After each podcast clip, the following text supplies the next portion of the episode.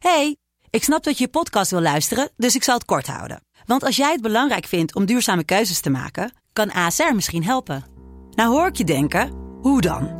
Nou, bijvoorbeeld bij het duurzaam herstellen van schade. Of de premies die we beleggen volgens ons duurzaam beleggingsbeleid. Dat bepaalt waar we wel en juist niet in investeren. Wil je meer weten over welke duurzame keuzes ASR maakt? Ga dan naar asr.nl slash duurzame keuzes. ASR doet het. Zo, dan kan je nu lekker naar je podcast luisteren. Uh, dames en heren, het is weer zover. Wilde Haren, de podcast. We back with the revolution. En net als iedere week wordt Wilde Haren, de podcast mede mogelijk gemaakt door Wilde Haren, de podcast. En dit is een beetje een extra Wilde Haren, de podcast. Want zoals je do jullie doorhebben, is het nu uh, niet woensdag of donderdag, de dag waarop je het normaal checkt. Het is nu uh, waarschijnlijk voor jou maandag misschien wel of dinsdag. En dat komt omdat we iets bijzonders hebben gedaan. Uh, maar voordat ik daarover ga uitweiden, wil ik eerst melden dat jullie ons kunnen supporten door te gaan naar petje.af slash wilde haren. Daar kun je donateur worden voor 3 euro per aflevering. Kan ook voor een ander bedrag. Maar vanaf dat bedrag uh, kom je in de Wilde Haren, de podcast appgroep. Wilde Haren, de appgroep heet het dan. Um, dat is gewoon leuk. Is gewoon gezellig. En um, support ons. Het is belangrijk. We um, maken die podcast natuurlijk met heel veel liefde. Maar ook met heel veel tijd en energie en met geld. En als wij gespoord worden, kunnen wij zorgen dat die podcast nog beter en fraaier en sneller en dynamischer wordt dan hij al was. Dus uh, dankjewel van ons allemaal als je ons support. Wat je ook kunt doen voor support is naar youtube.com slash wildeharen de podcast gaan. Of naar instagram.com slash wildeharen de podcast. Of naar twitter.com slash wildeharen de pc. Of naar de iTunes podcast app en daar abonneren op Wilde Haren de podcast. Je kunt daar natuurlijk op al die platforms overigens ook uh, liken, commenten en allemaal andere dingen doen om ons te supporten. Dus doe dat rijkelijk, daar hebben wij veel aan. Voor nu gaan we in ieder geval naar een soort extra aflevering, maar het is wel officieel aflevering 7 van Wilde de podcast seizoen 5. En wij hebben vandaag iemand die al eerder is geweest, te weten JJ Boske. Jullie kennen hem wellicht van YouTube voor allerlei uh, dingen die hij daar doet, van allerlei uh, ja, YouTube content die hij zelf maakt en presenteert. Uh, daar kun je hem van kennen. Je kunt hem kennen van televisie. Je kunt hem kennen als uh, een van de mensen uh, die samen met Busy Femke Louise ooit heeft ontdekt en in de markt heeft gezet. Hij doet een heleboel verschillende dingen. Daar hebben we het al eerder over gehad. Vandaag gaan we het met name hebben over MMA. We gaan kijken naar een pot tussen Ngannou en ehm, Dos Santos. Een, twee vechters voor de mensen die niet thuis zijn in de sport. En daar gaan we live naar kijken en kijken hoe dat allemaal gaat. En daarnaast hebben we ja, toch wel echt een hele grote gast, letterlijk en figuurlijk voor ons. Hij is 2,13 meter. Um, Stefan Struve, hij is just uh, recentelijk geretired als een UFC-vechter. Een heavyweight natuurlijk. Met 2,13 meter heb je niet heel veel keuze om een andere gewichtsklasse te zijn. Uh, hij heeft een uh, best wel indrukwekkende record in MMA. Hij uh, heeft heel veel partijen gevochten. Vecht al heel lang in de UFC. Of vocht heel lang in de UFC. Uh, een van de ja, eigenlijk veteranen in, de, in die promotion. En um, is obviously een expert op het gebied van MMA. Zij komen vandaag op hun zondagmiddag gezellig hierheen. Om samen met mij te keuvelen over MMA. En ook nog wel een beetje over andere dingen. En te kijken naar deze wedstrijd. Veel plezier met aflevering 7 van Wilde Haren Podcast. Seizoen 5. JJ Boske en Stefan Stoep.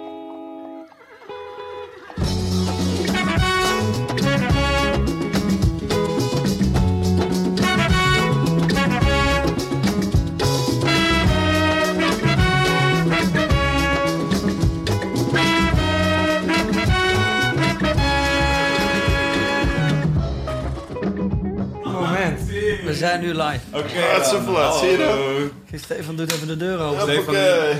die zou niet zeggen, Stefan zit op zijn knieën en die doet even de deur open. De deur op het balkon open. ah, Jesus Christ. Thank God. We zijn er. We zijn er. Um, het duurde even. JJ Boske is hier. Uh, je bent hier al een keer eerder geweest. Ik hoef niet zoveel te vertellen. Ja. En um, Stefan Struve is hier.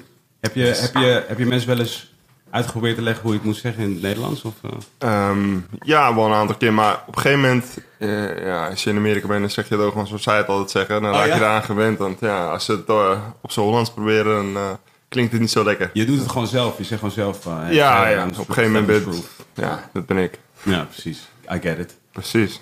Um, Stefan Struve dus in de, in de building. Je hebt...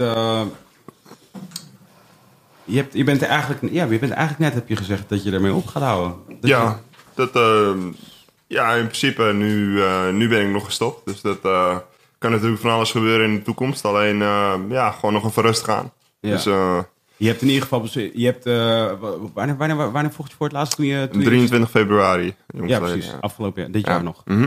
En ehm 40 partijen heb je gevochten in totaal. Ja, zoiets. Misschien nog wel een paar meer, 45 of zo. Dus dat bijna geen amateurpartijen gedraaid. Ehm, redelijk vroeg, eh, vroeg eh, professioneel gaan vechten om mijn 17e. En om mijn 20ste UFC-contract binnengesleept. 21ste eerste partij. En nu, eh, ja, tien jaar later hier. Dus. Je hebt echt lang in de UFC gevochten ook. Ja, 22 partijen. En ehm, ook nog een tijd eruit gelegen met problemen met mijn hart. Daardoor ehm, zo'n beetje anderhalf jaar niet kunnen vechten. Dus ja, het had nog een, ja, een aantal meer geweest. Ik ben, ik ben even, wat is het? Ja, 20. Ik ben aan het bedenken wat ik toen, toen rugbyde ik. Ja. Ja. En dat vond ik ook, deed ik ook wel op topniveau. Maar volgens mij op 17 beginnen, op 20 UFC en dan die kooi instappen. Mhm. Eh, eh, Was dat toen de gedachte heel anders om die kooi in te stappen? Hoe, hoe liep je toen de kooi in? Was dat gewoon onverschrokken, jong en... eh, Ja, niemand kon me wat maken. En eigenlijk daarvoor... Ik, had, ik heb wel een hele carrière gehad voor de UFC. Want sommige mensen die, eh, die kampioen worden in de UFC... die hebben eigenlijk 15 tot 20 partijen gevochten. Misschien wel minder soms. Ik had voordat ik... ehm, uit het moment dat ik bij de UFC tekende... was ik ehm 20 2 of 22 2. Dus ik had al meer dan 20 partijen gevochten. Ehm, ik had in drie MMA jaar... Ja, MMA-partij. Ik had in twee, drie jaar tijd echt heel Europa opgerold... wat eh, net onder de UFC zat. Dus waar je je kans tegen moet verdienen. En eh, toen kwam de UFC en heb je zoiets van, ik ga gewoon door, ik word gewoon kampioen, weet je. En dan sta je in één keer tegen de allerbeste ter wereld.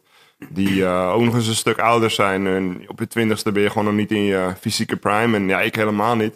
Ik was een lange, dunne, dunne slungel op dat moment nog. En ehm, ja, dan... eh, dat is een hele harde wake-up call als je dan in één keer je eerste partij tegen Dos Santos vecht.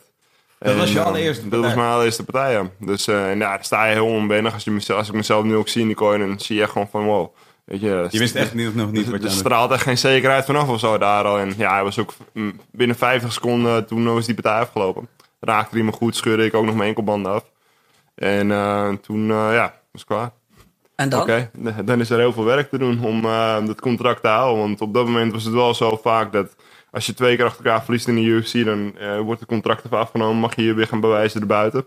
Hoeveel gewichtsklassen waren er op dat moment in de UFC? Eh, volgens mij nog vijf. Eh, lightweight, welterweight, middle, light, heavy en heavy. Ja. En ehm, misschien zes. Misschien dat er net eentje bij was gekomen. Maar ehm, En die waren dan, en dat het roster was ook nog niet zo diep als het nu is natuurlijk. nee, nee, nee, nee. Toen begonnen ze net een beetje uit te breiden en naar Europa te kijken. En ehm, ja, meer, ehm, meer buiten Amerika te organiseren. En ehm, de eerste wedstrijd was dus in eh, Londen. En de tweede in Keulen. Dus dat, eh, en Toen was het net niet meer zo freakish. Nee, nou ja, ja eigenlijk wel. Dat, want het was de allereerste wedstrijd in Duitsland voor de UFC. En eh, toen moest het eigenlijk allemaal goed gaan. En toen eh, moest ik dus voor mijn contract vechten. Om het contract te halen. En toen had ik binnen drie minuten onwijs een brievenbus in mijn voorhoofd zitten. En de hele mat rood. en ehm, toen... eh, Ik moest echt heel even denken hoe een brievenbus in voorhoofd eruit ziet. Maar Ja. ik ben nu, inmiddels ben ik helemaal daar gewoon. Ja, Very graphic, thank you for that. Precies. Ja. En toen, eh, ja, er zaten heel veel mensen die, eh, die waren uitgenodigd door de UFC. En eh, de, de mensen met, die met de UFC werkten, waren mensen van de kinderbescherming, waren mensen van allemaal van dat soort dingen. En die zaten allemaal vooraan. En eh, ja, ik was vrij jong, ik was 21. Ik zag echt uit als een jochie, weet je. En op een gegeven moment zie je ook gewoon vooraan gewoon een heleboel mensen weglopen. Zo het begint te bloeden, ja. En je ziet een heleboel mensen eh, van de UFC ook echt met hun handen voor hun mond zitten. En handen in hun haren, zo van ja... Wat zijn we hier is aan het doen? einde. Ja, maar Oké, hier elk- komen we nooit meer. Elk gek moment in, in- op dat, in dat stadium van de sport was, was- ja, had het zomaar het einde kunnen betekenen van het hele ding natuurlijk. Ja, ja en, weet je, als je, als je buiten Amerika vecht, nu nog steeds als ik hier nu in Nederland erover heb, als ik bijvoorbeeld uitgenodigd word voor een interview van iemand die niet bekend is met de sport, dus dat ik terug ga in de tijd. Ja, ja, ja. Er worden vragen gesteld als je die in Amerika stelt, mensen je echt aankijken van, huh, Ja, ja, ja. Doe, je, doe je huiswerk eens, je ook Ja, neus, ja, ja. weet je. En eh, toen, ehm, ja, Duitsland was ook gewoon precies hetzelfde eigenlijk. Ze waren helemaal niet bekend. En de volgende dag stond ik ook echt eh, op de voorpagina van de grote kranten met eh, ja, een eh, rode waas over me heen. Dus Ja, ja, ja. dat, ja, vage shit. Maar je hebt dus wel dat hele, je hebt het hele eigenlijk die hele evolutie van die sport, ja, was je gewoon bij, min of Ja, meer. ja, ik heb het wel redelijk meegemaakt, ja. Ja. Dat, dat, daarvoor was er natuurlijk al ehm, eh, de belangrijkste partij voor de UFC ooit. Forrest Griffin tegen Stephen Bonner. Mm. Maar daarna is het echt ontploft. En ja, ik, ik heb nog voor, ehm, voor UFC 100 gevochten. UFC 95 was mijn eerste wedstrijd. Dus dat is lang geleden, ja. Dat is wel echt heel gek. Ja. Ik, ik moet altijd denken aan, eh, ik, ik heb, ehm, hoe heet die, ehm Keur? Eh, Ja? Ja, die, Mark wij- Kerr. die heb jij natuurlijk naar mij gestuurd. Die Mark docu, ja. Ja. op YouTube. de, de hele lijpe documentaire. Voor als, je, als, je, als je houdt, eh, als je Ja. houdt van MMA, dan is het echt een aanrader om eens te kijken. Het staat gewoon helemaal volledig op YouTube. En ehm toen zat ik ook doorheen... De Smashing Machine. de Smashing Machine, ja. ja. Was het ook echt. Die man was echt freakish. Echt E- een... echt, hè? Maar ik vond Monster. alles in, in die docu toen ik zat te kijken. Toen dacht ik ook, oké, maar je bent een worstelaar, dus je moet opnieuw leren, of je moet leren vechten. De, de- je moet groot zijn, je moet Mm. Van alles kunnen. De bedragen zijn nog niet zo groot, maar je raakt in depressie. Nee, want volgens mij hebben ze het op een gegeven moment over dat, dat, dat toernooi waar ze het over hebben. Dan hebben ze het op een gegeven moment dat de hoofdprijs van dat toernooi was volgens mij een paar ton, dat twee ton of zo. Ja, Nou, volgens mij 100. Ja? Volgens mij de eerste was 100. Als ik me goed herinner. ja maar dan moet je het wel winnen. Moet je wel Dan moet je winnen, winnen, ja. En dat was de oplossing voor ze, toch? Ja. Dat, want het was gewoon van, het was, het was, was veel geld toen. Ja.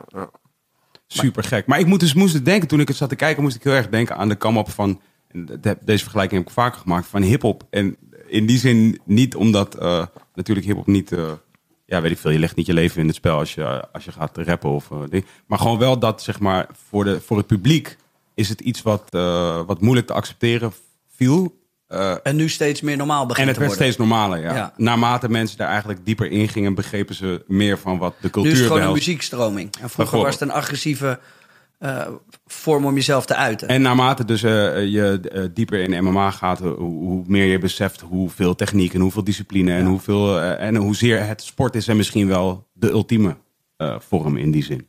Maar Ja, sowieso. eh, weet je, ik denk dat er we- weinig sporters zijn ter wereld waar je zo hard voor traint en Ja. zoveel moet, voor moet doen en laten. En in principe, ja, niet genoeg voor terugkrijgt als je het vergelijkt met de rest eh, van de sporten. Maar ja, dat eh, maak je toch die keuze. En daarom ben ik ook verliefd geworden op het MMA. Is omdat het, het, het, het, het traint hetzelfde als hoe ik met rugby zou trainen. Maar het mentale, het, het, de training, de, de, de, de, een soort van... Je moet de beste van jezelf zijn. Je moet mentaal sterk zijn. Je moet zoveel kunnen. Je bent gewoon... Buiten het feit dat je moet vechten, moet je gewoon een topatleet zijn. En dan moet je zoveel beslissingen in een seconde kunnen nemen. Wat doe ik als ik hierheen ga? Wat doe ik als ik daarheen ga? Er zit gewoon zoveel meer in dan gewoon iemand een klap geven of, of knock-out choken. wat ik me dat vind ik afvraag mooi. eh, eh, voor jou sp- specifiek is dus, eh, want je hebt, eh, je hebt het eigenlijk altijd goed gedaan. Mhm. toch? En, eh, eh, en zeker in heavyweight, of dat is in ieder geval wat je vaak hoort van, er is eigenlijk altijd een goede mogelijkheid dat je wel weer bij top contenders terechtkomt, toch? En dat je dus uiteindelijk een kans maakt om weer voor de titel te vechten. Ja. Als je nu kijkt naar bijvoorbeeld naar Alistair, van, hij zit weer daar waar hij waar die op zich best een mogelijkheid heeft om, om, eh, om, eh, om voor die titel te gaan vechten. Ehm, wat ik me afvraag voor jou specifiek is dan, je bent eigenlijk helemaal niet zo oud, Mhm. want je bent 31. Ja. Uh, je hebt een hele goede record. Ehm, en je weet dat het geld in MMA wordt eigenlijk alleen maar meer op dit moment. Tenminste, het zal een beetje fluctueren, maar het is een commerciëlere sport dan het was vijf jaar geleden en al helemaal dan het was tien jaar geleden. Uh, is dat, is, weegt dat mee in, die, in, in je keuze om, uh, om te zeggen ik retire? Ja, nou, weet je, op een gegeven moment heb je ook zoiets van... Als ik een wedstrijd verloor, dan was het niet helemaal de moeite waard. Zeg maar, financieel gezien, er zijn genoeg andere dingen die je kan doen... waardoor ik ook een beetje die richting op kan gaan. En ja, dan hoef ik er niet voor te doen en laten wat ik er dan voor doe, weet je. Ja. Dus uh, dat was wel uh, iets wat meespeelde mee in die beslissing. Als ik, als ik win, dan is het zeer zeker de moeite waard, weet je. Dat, uh, en ook mijn gezondheid natuurlijk, dat speelt gewoon mee. Alleen mijn hart is gewoon, ja, anders. Weet je, Ja. ik heb gewoon hartkleplekkage bij mijn aortaklep. En um, daardoor denk je ook wel extra na over wat slim is en wat niet. Dus, maar um, UFC die wil mij wel heel graag terug hebben. En die heeft wel gezegd, nu mijn... Um, je hebt een termijn na je contract, mijn contract was afgelopen. Dus ook de laatste wedstrijd op mijn contract. En uh, wat zij natuurlijk niet willen is dat ik ergens anders ga tekenen. Dat ik ergens anders ga vechten. En nu ik een naam heb opgebouwd, vooral in het zwaargewicht zijn er gewoon niet heel veel goede zwaargewichten met naam. Ja. Dus je hebt een termijn in je contract van een paar maanden. Dan mag je niet met andere organisaties praten. Dus aan het einde van die termijn begonnen ze een beetje te, te vragen van... Hey, hoe zit het nou? Ben je er wel zeker van? Ik zeg ja, weet je... Ja. Even, gewoon even rustig aan en zo. eh, geen haast. En ehm, toen hebben ze in een al een aanbod gedaan. Dat ik dacht van, hé, hey, kijk, dit is wel even een andere koek, weet je. Dat, eh, maar waarom komen jullie er nu mee? Is dat dus echt het, eh, zeg maar het beste aanbod dat je ooit gehad hebt? Ja, sowieso. Maar goed, ja, anders zou ik sowieso niet over nadenken. Nee. Maar dat, ja, het is het overwegen waard, weet je. Ja. Voor mij nu dus. Maar is het dan, wat je dan het moeilijkste vindt, is dat dan het fysieke herstellen daarna? Of is het die put waar je in komt omdat Mhm. je denkt bij jezelf, ik ben niet goed genoeg? Of je begint te twijfelen? Of... Ja, daarvoor had ik een slechte reeks natuurlijk. Op een gegeven moment had ik twee wedstrijden gewonnen. Toen eh, werd er een rematch tegen Dos Santos geboekt. En de winnaar die zou eh, hoogstwaarschijnlijk voor die titel vechten. Alleen toen eh, moest ik geopereerd worden aan mijn schouder. Heb ik er ehm, ja, bijna een jaar uitgelegen. En toen vocht ik in Rotterdam tegen Volkov. Miocic was op dat moment nog steeds kampioen. En ik ben een van de weinigen die Ja. hem dus KO heeft geslagen. Dus het, het was ook een beetje de boodschap van de UFC. Als je hier in, in je eigen land een goede partij vecht, dan wie weet wat er mogelijk is, weet je. Ehm, dus toen verloor ik die partij in de derde ronde. En ja, die schouder was gewoon nog niet helemaal goed. Ik had gewoon iets meer tijd moeten nemen, was nog niet helemaal fit. En ehm, daarna verloor ik weer twee partijen. Ook ja, blessures tegen Alowski ging de week van de wedstrijd door mijn rug. Kon ik niet vrij vechten. Ehm, tegen die Tibura op een gegeven moment ja, ga je aan jezelf twijfelen. Vecht je gewoon niet naar je kunnen, weet je. En dan die laatste partij, dat, dat is ook gewoon een hele zware partij. Want je legt binnen drie seconden op je reet. Waar je een heel, hele goede trainingsperiode hebt. Waarin je eigenlijk ehm, staand als een tierenlier draait. En dan, eh, het, gameplan was ook gewoon om hen staand ja, gewoon te laten zien dat er niks te halen viel. En ja, als je dan binnen drie seconden op je reet legt, Ja, ja. is het wel even een deukje En dan jezelf. zak de moed ook, ja precies, zak de moed in. Dus dat was ook gewoon even, eh, ja, ook tijdens die partij om je daar overheen te zetten, is dat gewoon heel zwaar, weet je. Mhm. Ik wist ook niet wat hij me, waar hij me mee geraakt had. En ik was gewoon echt even 10, 15 seconden kwijt. En ehm, ja, dan heb je na die partij wel even zoiets van, "Maar ik ben echt even leeg mentaal om nu, nu weer alles te gaan doen, voorbereiden en dan gewoon weer die call in te stappen. Ja, nu gewoon sowieso even niet, weet je. Gewoon even Hoe diep is die put? je kan heel diep zijn, weet je. Dat, ja, maar ik heb nog in veel diepere putten gezeten. Nou, dat met mijn hart. En toen zou ik eindelijk weer vechten in Las Vegas. En toen 30 minuten voor de wedstrijd kreeg ik ineens een blackout. Dat ik in elkaar stortte. Ja. Weet je, doordat ik gewoon niet met die spanning omgegaan. Omdat ik ook eh, aan medicatie zat voor mijn hart. Die me eh, depressief maakte. En weet ik het allemaal wat. Ja, ga daar maar uitklimmen dan, weet je. Ben je, ben, je, ben je van jezelf zeg maar een persoon die daar eh, eh, ja, normaal mee om kan gaan, zeg maar? Of weet je dan wat je aan het doen bent? Ja, het is een beetje een Ja. omslachtige vraag, maar je begrijpt misschien wat ik. Je, je moet er gewoon mee omgaan. Je moet gewoon mee dealen, weet je. Als je daar niet mee kan dealen, dan zit je wel in de verkeerde sport Ja, ja. natuurlijk. Dat, maar dat is wel een hele, heel diep Maar niemand helpt je ja. daarbij. Ja, wel genoeg mensen. Ja? Weet je, ja, tuurlijk. Dat, eh, als je, ja, sowieso het team om je heen en eh, ook een sportpsycholoog erbij genomen en zo om be- bepaalde dingen aan te stippen waarom dat zo is. Hoe, ja, hoe, hoe het kan dat je op een bepaalde manier denkt, weet je, voor de wedstrijd, welke dingen je eh, even ja, niet moet, jezelf niet moet aandoen. Gewoon omdat je, ja, je grootste vijand ben je gewoon jezelf. Ja. Als je in de kleedkamer zit, dan gaan er zoveel dingen door je hoofd heen, weet je. Dat, ja. En ehm, dat, eh, ja, dat was heel zwaar om daaruit te komen. Maar ehm, uiteindelijk wel weer eh, van, van daar. Dus van helemaal niks. Van niet weten of je ooit nog mag vechten. Toch weer naar main event in Nederland geknokt. Weet je? Dus alleen dat al is al... eh, je moet altijd het positieve eruit halen. Ja. Weet je? En dus alleen nu was het gewoon ook veel me- mentaal heel zwaar. Maar ja, toch even kijken. We hadden het net even voordat we de lucht ingingen al heel kort even over die Ngannou tegen Lewis, die partij. En toen, Ja. was jij, toen wilde je eigenlijk bijna gaan uitleggen van ja, maar weet je wat het is als je daar staat? Want Ja. je- volgens mij wilde je ook gaan refereren naar die partij van Ngannou tegen eh Miocic, eh, waarin die... Ja, precies. Toch? Weet je, kijk, die ehm, afgelopen nacht was dus eh Dos Santos tegen Ngannou. En daar kijkt iedereen naar uit. Twee strikers met echt dodelijke kracht. die, die ja, de een en de ander hebben kou geslagen. En ja, dat is wat mensen willen zien, weet je. En dat was ook zo tegen, toen Lewis tegen Ngannou vocht. Eh, partij waar mensen echt naar uitkeken. Is- Ja. dit wordt echt het Dat ging bruutste gewoon- van ja, het bruutste. Gewoon echt... eh, ja. vrachtwagens tegen elkaar slaan. Precies, Ja.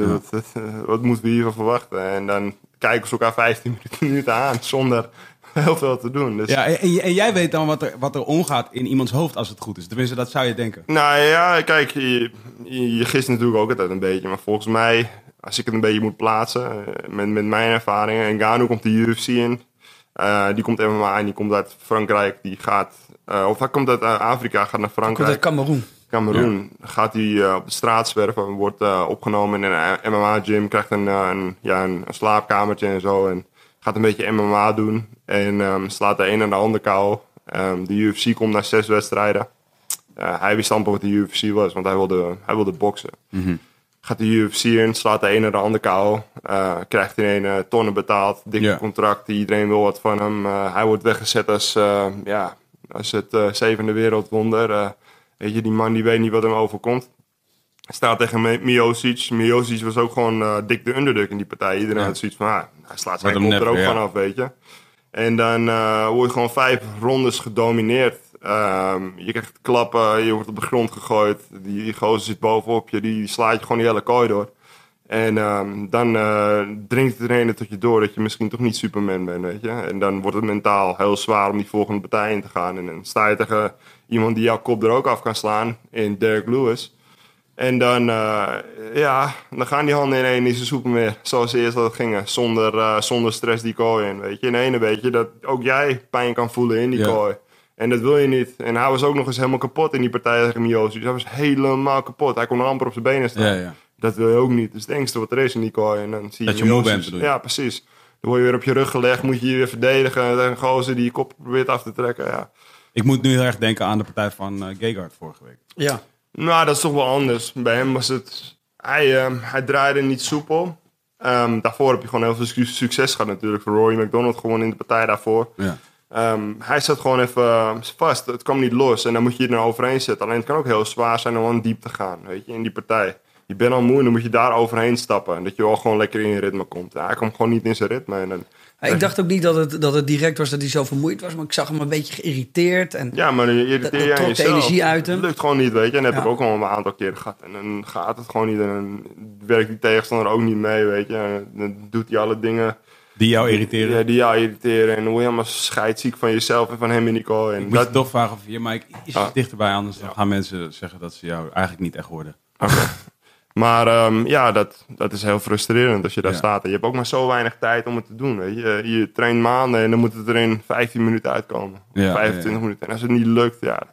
Ja, en ik zat wel de hele tijd te denken van, ik bedoel, de, eh eh, ehm, Gegard is wel zijn, zijn, zijn gebruikelijke hoofd is stoïcijns, toch? Ja. Zijn hoofd is altijd een beetje op die, ja, die soort van, het kan me niet echt heel veel schelen. Dus ik dacht gewoon de hele tijd van, ah, misschien pik dit op. Of ik dacht van, oké, hij hij weet dat hij vijf rondes gaat, misschien gaat hij twee. Nou ja, ik zat achter de kooi en daar zat eh, Costello en zijn team, die, die allemaal ook trainen met hem. Die, ja. ja. die zaten er vlakbij. En toen na de tweede eh, ronde keek ik zo naar achter en ik deed zo van... Ja, en nu? En nu? Wat gaat hij nu doen? Toen hoorde ik Joey, hoorde ik naar mij schreeuwen... Ja, dit is het gameplan, we gaan nu beginnen. Ja, dat dacht ik ook, ja. Ja, hij zei, dit is het gameplan, we gaan nu beginnen. En toen dacht ik, oké, dus die eerste twee rondes moet ik even wegvagen. Ja. En dan gaat nu beginnen. En toen begon hij hè, in, die, in die derde en vierde ronde. Ja. En toen was die vijfde ronde, dachten we met z'n allen... oké, Dit wordt hem. Dit wordt hem. Ja. En toen binnen, wat was er, tien seconden lag hij op zijn rug. En dat ja, en dat ging die Lovato natuurlijk, die dacht bij zichzelf... nou, ik heb die eerste twee gepakt. Als ik hem hier gewoon op zijn rug laat en als een slang eromheen ga, ga hangen... Dan, ja, dan pak ik hem gewoon. En je hoort wel eens mensen klagen over het, eh, eh, het, puntensysteem in, eh, in MMA. Dat dat, dat dat niet strookt met wat het eigenlijk zou moeten opleveren. Ben je, kan je daarin vinden? Het puntensysteem is in principe prima, maar het wordt toegepast door mensen. Mensen maken fouten en het is ook heel moeilijk. Ehm, als wij partijen zouden scoren, als ik partijen zou scoren, zou ik het misschien ook niet altijd goed hebben. Alleen ja, het blijft menselijk en dat wordt heel moeilijk gewoon met het jury systeem. Alleen soms is het zo duidelijk en dan snapt niemand waarom die jury het fout heeft. Ja. En dat is dan heel frustrerend. Ja. Ehm, ja, daar zouden ze naar moeten kijken of het dan achteraf teruggedraaid kan worden. Of, maar het blijft toch heel moeilijk. Wat, wat reken je zwaarder, weet je? En soms zie je iemand heel veel schade, Ja. die dan toch beter heeft gevochten. eh, ja. Of iemand die constant heeft in de aanval is, of constant eh, center heeft, eh, of wat dan ook, wat eigenlijk dan uiteindelijk. Takedowns, eh, wanneer scoor je een takedown als die ander weer opstaat? Geef je hem dan punten voor die takedown of doe je het niet? Eh, wat, wat telt zwaarder? Als iemand vanaf onderop heel actief is, terwijl die jongen die die takedown heeft gemaakt bovenop legt, ja, wat doe je? Weet je wat, wat reken je zwaarder? Zou je ieder- schade meetellen? Tuurlijk, Ja. tuurlijk, ja. Als, als wij ehm, op straat vechten en ehm, na 25 minuten heb jij maar meer klappen gegeven, maar jij legt helemaal in elkaar. Je kop legt open. Ga jij dan tevreden naar huis of ik? Ja. En vooral, Toch, wie ja. neemt Ja. de politie mee? ja. Dat kun je je afvragen. Die, want, Hij is- ja, precies, hij heeft het gedaan. Dat kan niet anders, toch? Ja. Kijk, zijn hoofd. Ja. Een mooi voorbeeld was eh, Bisping tegen Henderson eh 2. Ja. Dat eh, Bisping zijn hele hoofd... Ja, helemaal eraf. Echt, Ja. hij kon niet meer uit zijn ogen kijken. En eh, toch had hij gewonnen op punten dan. En Henderson die had geen schrammetje. Ja, ja, ja. Nou, dat vond ik nu dus ook bij Musashi en Lovato. Lovato was aan het einde van die vijfde ronde. Toen keek- kwam hij omhoog van Ja. die kooi af. Toen keek hij en toen dacht ik... Oh my god, Mhm. jij lijkt gewoon een totaal ander persoon. ja. Zijn gezicht zat echt in elkaar. En Gegard leek net alsof hij, eh, alsof hij drie dansjes in de, Ja. in de Club Ja. R had gemaakt. Maar je hebt, was je, hebt, je, je hebt ook wel vechters voor mijn gevoel die gewoon makkelijker bloeden dan anderen. Dat sowieso. Ja, daarom is het ook moeilijk. Dat, eh, je, je moet het wel meerekenen. Alleen, eh, ja, in hoeverre. Want ook Gegard, zijn eerste partij bij Bellator tegen Slamenko... dat hij eh, één keer geraakt werd. Dat hij zijn Hele oog had. Dat hij zo'n oog had. Ja, maar die was ook tricky, want Snap je? dat was een decision ook, toch? ook een decision, Ja, ja, ja. decision. En, want die was, dat was wel, ik weet niet, hoe, ik voelde me er niet heel zeker over. Nee, nee, maar dat, eh, dat is ook heel moeilijk natuurlijk om te scoren. Als ze die partij aan Slamenko hadden gegeven... dan had niemand er eigenlijk Ja. naar gekraaid, denk ik. Dat, eh, ehm, ja, dat is lastig. Hoeveel, ja, hoeveel schade... ehm, ja, hoe tel je en hoe reken je het? En ja, wat ik zeg, mensen blijven degene die het moeten beslissen. Dus ja. Hey, en eh, ja, dus eh, de pot die we, die, die, die we alle drie niet hebben gekeken, maar ik heb het wel verpest al voor mezelf, maar jullie niet gelukkig. Dus, Nee. ik, eh, dus ik, ik weet niks, ik zeg niks, ik geef niks weg. Aha. Pokerfeest. Maar eh, wat denken jullie? Eh, nou, ze hebben allebei een knaller van een rechter. Dus dat gaat sowieso wel... Het gaat sowieso spectaculair worden. Ja, ja. ik denk We dan hebben dus altijd, die andere Stefan, dit kun jij me ook vertellen. Van, van, als, je, als je dat hebt, ik bedoel, elke analyse die je kunt doen, of je nou expert bent of leek of, Mhm. of ergens daartussenin, je gaat denken, oké, dit, dit, dit- die gaan allebei staan. Want Mhm. volgens mij heb ik ze let- allebei nog nooit echt zien worstelen überhaupt. Nee. En- nou, ja, ze kunnen het wel allebei. Dos Santos beter dan Ngannou, denk ik. Ja. Alleen die Ngannou, die, eh, daar heb ik een paar weken mee getraind. En eh, ik heb nog nooit uh, zelden iemand vastgehad die zoveel ja, als beton aanvoelt als hem eigenlijk. Oh, ja? dat, is echt niet normaal. Hoe, ja, met ziet iedereen hoe Ja, fysiek die man is. Dat is gewoon echt genetisch een monster. Ehm, maar hoe, hoe, hoeveel... Hij staat ook weer heel makkelijk op. Hoeveel energie ga je leggen in het naar de grond halen van die man? Als je ook weet dat hij er vrij makkelijk op staat. Ja, ja. En door Sanders ook niet een expert op de grond. Dus Nee. ja, wat voor partij wil je gaan vechten? Ja, precies. Maar wat ik, wat ik wel denk is van, in hoeverre, en wat ik begrijp is dat dat gewoon bij sommige vechters wat meer, sommige wat minder. En sommige coaches zijn heel erg bezig en sommige niet. Maar is, is dat soort psychologische voordeel als je iets gaat doen wat niemand had verwacht dat je zou gaan doen? Zoals Daily MVP onlangs. Waar, Ja. waar Daily ineens dus inderdaad eh, takedowns probeerde te krijgen op MVP. Wat dus niemand had aanzien Had komen. verwacht. Waar iedereen ook heel teleurgesteld over was. Ja. Maar wat hij wel deed en waarvan ik wel dacht van... Ja, oké, op zich snap ik het wel. Ik snap wel waarom je het zou proberen. Van, het is op zich geinig om te doen, aangezien niemand het dacht. Ja, Maar eh, ja, hoe vaak probeer je zoiets? ja dat, het legt er ook maar net aan hoe je in je vel zit natuurlijk. En als je, als je dat in je, in je voorbereiding traint en het lukt in één in de kooi... dan voel je je wel helemaal de man natuurlijk. Ja. Weet je? En dan krijg je wel zelfvertrouwen in die partij. Dus ja, en hoe je het ook wint of keert... ehm, Michael Page is natuurlijk een monster staan. Veel langer dan Daly. Dus ja, ik kan het goed begrijpen. Ja. en er was ook echt niemand die het verwachtte. Ehm Daly is ook geen, eh, geen een topworstelaar, weet je. Maar ehm, ja, verrassend. Ehm, het zou mij heel erg verrassen als straks een van die mannen het gaat doen. Hoor. Dat, Als een eh, van die mannen überhaupt één keer Santos of schiet, dat zou je al gek vinden. Ah, en als ik mijn geld op iemand zou moeten zetten die het gaat doen, dan is het wel Dos Santos. Om uh, Ngannou naar de grond te brengen. oh ja. Dos Santos heeft natuurlijk ook wel een aantal ehm, veldslagen uitgevochten met Ken Velasquez, ook met Miocic. Ehm, ja, die, die gewoon hele zware partijen gevochten. En na een tijdje, dan wordt dat ook heel zwaar om dat weer te moeten doen, weet je. En om dan de klappen van zo'n monster uit, eh, uit Afrika weg te moeten slikken, die gewoon echt je hoofd eraf wil slaan, ja. Dat, dat wordt mentaal ook gewoon heel zwaar. En denk je, dat, denk je dat ook een soort van experience hier iets mee... Ik dacht bijvoorbeeld, ik moest ook aan Kevin Lee denken... die even dacht dat hij toch wel een van die oude rotten... een soort van eh, de kooi uit zou slaan. En die werd zelf gewoon wel heel even eh, terug in het hok gezet. Ja. Denk je dat zo'n zo, zo'n Dos Santos nu dan daar ook op gaat teren? Dat hij Ja, tuurlijk. meer ja. ervaren is... en dat zo'n Ngannou daar misschien nu tegenaan kan lopen? Sowieso, weet je. De Santos, eh, denk ik gewoon dat die tegen zichzelf aan het zeggen, constant tegen zichzelf aan het zeggen is van je moet rustig blijven, je moet die jab laten lopen. Maakt niet uit hoe die eruit ziet, hoe, hoe hard die je probeert te raken. Als je een keer geraakt, je moet rustig blijven. Want als je gaat zwaaien met hem, als je echt erin klapt en je maakt echt een brouwpartij van, gaat hij echt je kop eraf Ja, staan, ja. Weet je, simpel. Je moet die jab houden. Zo ga je die partij winnen. En Ngannou wordt op een gegeven moment waarschijnlijk wel moe. En dan, dan moet ik komen. Alleen ja, eerst daar komen is ook heel zwaar. Ja. Want je moet er een paar wegslikken waarschijnlijk. Ja, Je moet en even happen. Je moet even happen. En die van hem wil je echt niet happen. Want Miocic heeft wel een paar gepakt van hem toen, toch? ja, ja is ook echt eh, een hele goede kind hoor. Maar die, eh, die eerste ronde, ik was toevallig daar in Chicago. En eh, dan, eh, dan, ja, je voelde bijna die, die, die wind die van Ngannou zijn stoot afkwam.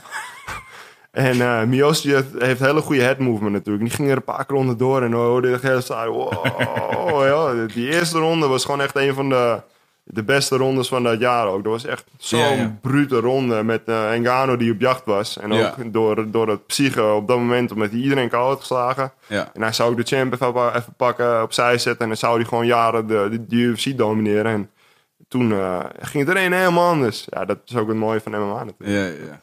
Heb, jij, heb jij, als je kijkt naar zo'n pot, kun jij het los van jezelf zien? Want dit is jouw divisie, het- dit, dit is jouw gewichtsklasse. Je weet dat... Ja, het is toch altijd anders. Toch altijd, eh, je hebt er toch altijd extra feeling bij, zeg maar. eh, hoe, je- ja, je toch? krijgt wel een beetje het gevoel van die kooi. eh, meer als dat ik andere gewichtsklassen kijk, zeker weten. Ja. Het lijkt, me, het lijkt mij in ieder geval redelijk angstaanjagend. Is, is, is het een motivatie zo, als je zeg maar, zo'n Ngannou ziet vechten, dat je denkt van, die man wil ik een keertje nog pakken? Ja, hey, ik zou hem wel willen pakken. Ja. Hey, je moet ook gewoon realistisch zijn. Als dat lukt, dan is het sowieso een hele zware partij. Weet je. Ja, ja. Ja, maar ja, je, moet er ook, je moet het ook uit kunnen zetten. En ik vind ook dat ik ervan moet kunnen genieten, van zo'n partij. In plaats Ja. van dat ik de hele tijd aan mezelf te denken. Want. Kan je ervan genieten? Ja, ik kan er wel van genieten, maar dan moet ik het wel uitzetten. En dan moet je wel leren. Je moet wel... eh, je, je moet het gevoel gewoon uitzetten. Anders krijg je ook het gevoel van als je zelf in die kleedkamer zit de dag van de wedstrijd. Met, Ja, met die bal in je maag. En dat je eh, jezelf zit te vreten omdat je weet wat je moet gaan doen straks. Weet je. je moet voor, de, voor, miljoenen, voor het oog van miljoenen mensen presteren. En eh, het wordt waarschijnlijk niet, niet een... eh, Geen walk in the park. slaappartijtje, Nee. een slaapfeestje. je. Dat, eh, het, eh, het gaat waarschijnlijk wel pijn doen wat je moet doen. Dus ja, dat, eh, je weet wat er gaat komen. Weet jij ook met rugby, weet je? Als jij, als jij niet goed erin klapt met een tackle of weet ik veel wat, Ja. dan gaat het alleen maar meer pijn doen. Ja. Alleen ja, er komt sowieso pijn, wat je ook doet. Ja, maar kijk, dat is iets. En ik, ik denk dat jij dat ook hebt. Op een gegeven moment leer je met die pijn omgaan. En dat weet je en dat komt. En dat, Ja. dat, kan je, dat, dat kan je slikken, denk ik. En dat kan je hebben. En dat is part of wie je bent en wat je doet op een gegeven moment. Want je hebt altijd pijn. Dat gaat op een gegeven moment in je DNA zitten. Maar waar ik op een gegeven moment echt veel moeite mee had... als ik dan die witte lijn overstapte, was eh, het verliezen... en het, eh, het, het ehm, echt vernederd worden. Ja. Weet je wel? Dat ik echt... Ja. Dat vond ik erger. Dat ik dacht, oh, ik begin wat ouder te Logisch. worden. Ze lopen nu om me heen misschien wel. De, de twijfel of ik nog wel zo goed was. Mhm. En dat vond ik pijnlijker dan de pijn. Want de pijn kon ik wel slikken. Daar was ik Ja. over die twintig jaar wel gewend. Nou, dan moet je ook uit kunnen zetten natuurlijk. Hè? Want zo, zodra je al ja, voet zet op dat niveau of die goal instapt op dat niveau, alles kan gebeuren. En eigenlijk, wat jij net zegt, dat is alleen maar als je er te veel over nadenkt en Ja. te veel naar mensen gaat luisteren. Want ja, naar mensen gaat luisteren die zeggen van ja, eh, hij gaat komen in een ronde of weet ik veel wat. Hmm. Eh, wie, wie zeggen dat? Wat heb jij ooit gedaan in je leven, weet je, sowieso. En waarom zou ik me druk maken om wat iemand anders zegt? Ja. Nu je dat zegt, moet ik denken aan Fighter Picks. Wat ik altijd heel leuk vind om even te checken voordat er een gevecht is. eh, dan als ik YouTube aan het afstruinen ben en dan eh, even 30 pro-MMA-vechters eh, horen wat, wat hun picks zijn. Jij zit daar best wel regelmatig tussen. Ik, vroeg me, ik vraag me altijd af. Want ik weet eigenlijk helemaal niet op welk account ik dat kijk. Ik kom dat gewoon tegen. Snap je wat ik bedoel? Wie checkt jou daarvoor? Voor, eh, ik, nou ja, eigenlijk de laatste tijd heb ik hem niet zoveel gedaan. Volgens mij. Maar eh, ja, journalisten vragen dat, die vragen jouw mening. Ja, gewoon, En dan maken ze gewoon compilaties of zo. ja, denk het. Dat, Oké. eh, Ik vraag dat, me dat altijd af. Ik denk altijd van, hey, dit, is echt, dit is echt de lauwste shit. Eigenlijk, voor mij is dit de lauwste shit die er is. Dus Ja. gewoon van, eh, eh, laat ik zeggen... Ik bedoel, ik vind het leuk om, om, om Ariel te horen praten met iemand van tevoren. Of, de, Mm. of, of, of, of eh, Luke Thomas of whatever. Maar zeg maar, eh, gewoon die fighter picks. Gewoon 30 gasten achter elkaar die dan Die- fighters die er gaan pikken. Dat vind ik eigenlijk het leukste wat er is. Omdat je weet, die zitten er zo diep in. En Ja. vaak zijn er banden, vriendschappen, dat soort dingen. Dat je dan gewoon denkt van, oké, ja. Dat vind ik ook mooi. Dat je, soms zijn ze vriendschappelijk en dan is het gewoon... Maar dit is mijn guy. Ja, maar dit is mijn guy. Maar Ja. we weten allemaal, ja... Ja, dat maakt het ook heel moeilijk hoor. Want als ze dat aan mij vragen, en soms ja, ook teamgenoten. Dan, eh, toen ik in Florida trainde, dan, Eh, dan heb je ja, 30, 40, misschien wel 50 jongens die aan het trainen zijn en die dan een wedstrijd hebben. En dan weet je dat ze een hele zware partij hebben. En dan vragen uh, vier journalisten om je mening. En dan ja, sowieso, je, als hij het op een of andere manier leest of zo, je wil sowieso support zijn. Weet je? je wil niet dat hij met een slecht gevoel daarheen gaat of dat je hem twijfel brengt of weet ik wat. Dus je kan altijd, niet altijd eerlijk zeggen wat je Ja, ja. denkt. Weet je? Ja, ja. Soms is het gewoon van, ah, kijk, even simpel. Ja, ik, ik heb met hem getraind, hij heeft keihard getraind, ik weet dat hij kan. Ik weet dat hij een hele zware partij heeft, maar ik kan niet anders dan voor hem te kiezen. Weet je, dat, ik Mhm. Ja. ga niet zeggen van hij gaat verlies opkomen. Kan Ja. niet. Onmogelijk. Nee. Ja, ik vind het altijd wel mooi. Die support. Ik hou Le- ervan. Let's go in. Eh, ehm, Ja, gaan we? ja, toch? Ik heb zweethanden. Wat, eh, wat zijn de... Ja, ja, jij doet niet meer mee, hè? Jij mag... eh, Oh ja, ja, wedden bedoel je? wat, wat, wat denk jij? zijn de stakes? wat, was, wat was het voordat je de uitslag wist?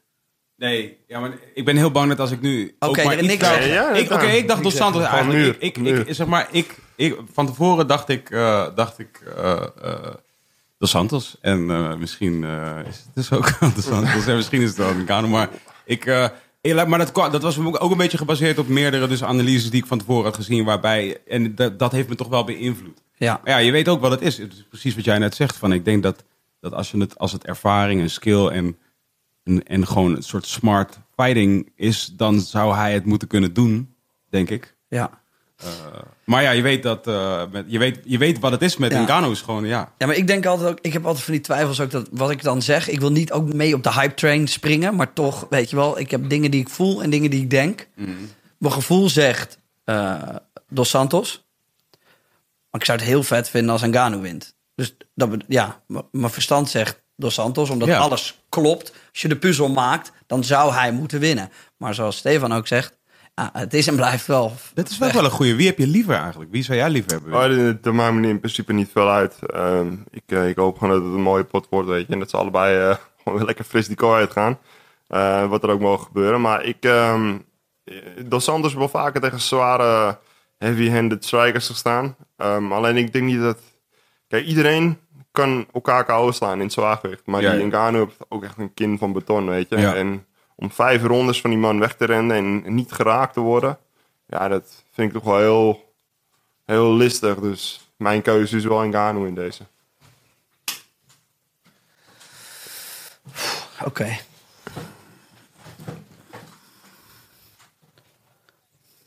Hoe, waar horen wij geluid? Oh ja, dan moet je je koptelefoon even op. Ja.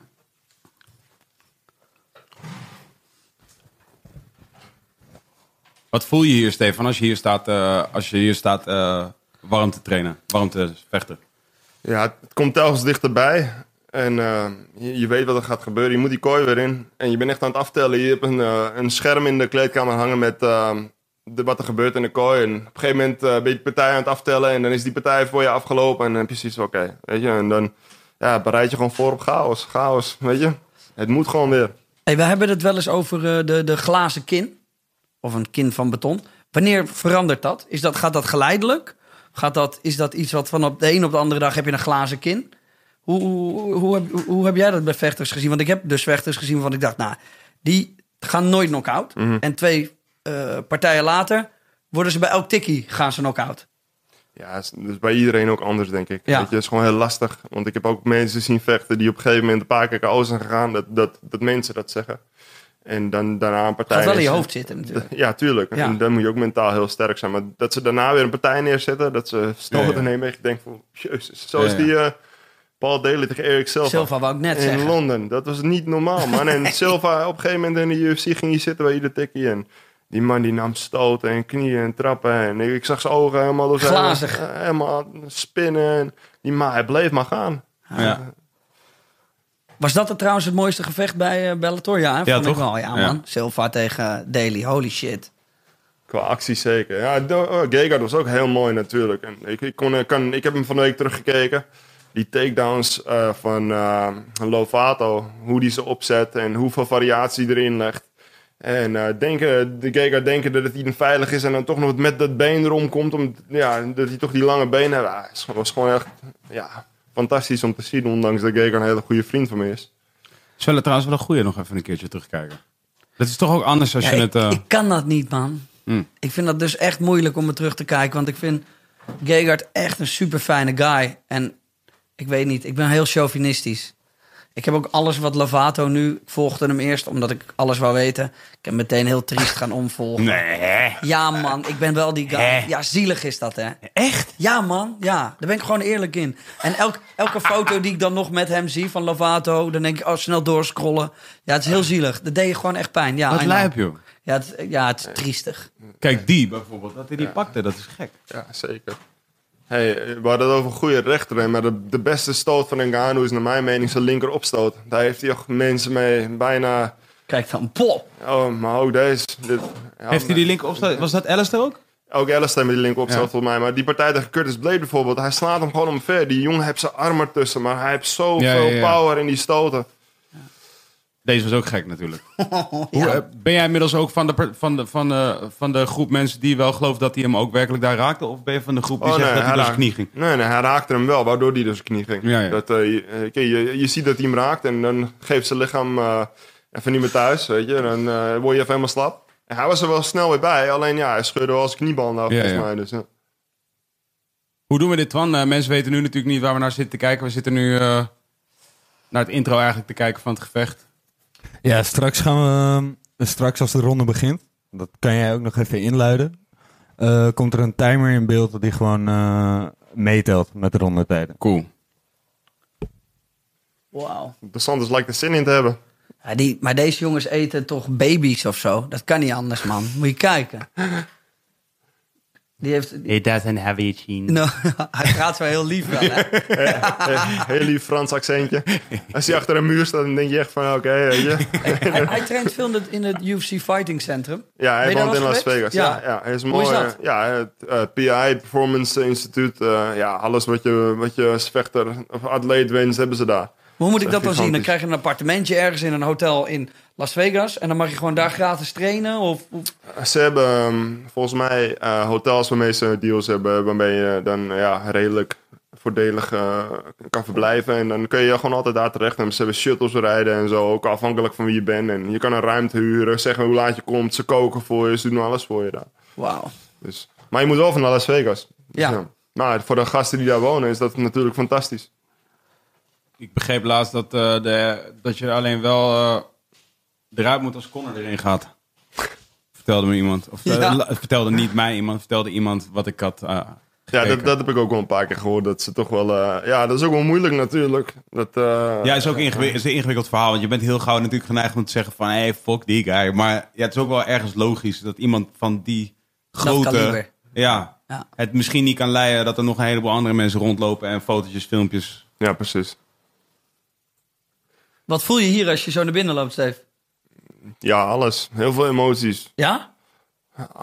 Je voelt angst. Je bent blij dat het eindelijk zover is. Maar je hebt ook zoiets van: fuck, wat doe ik nou weer, jongen?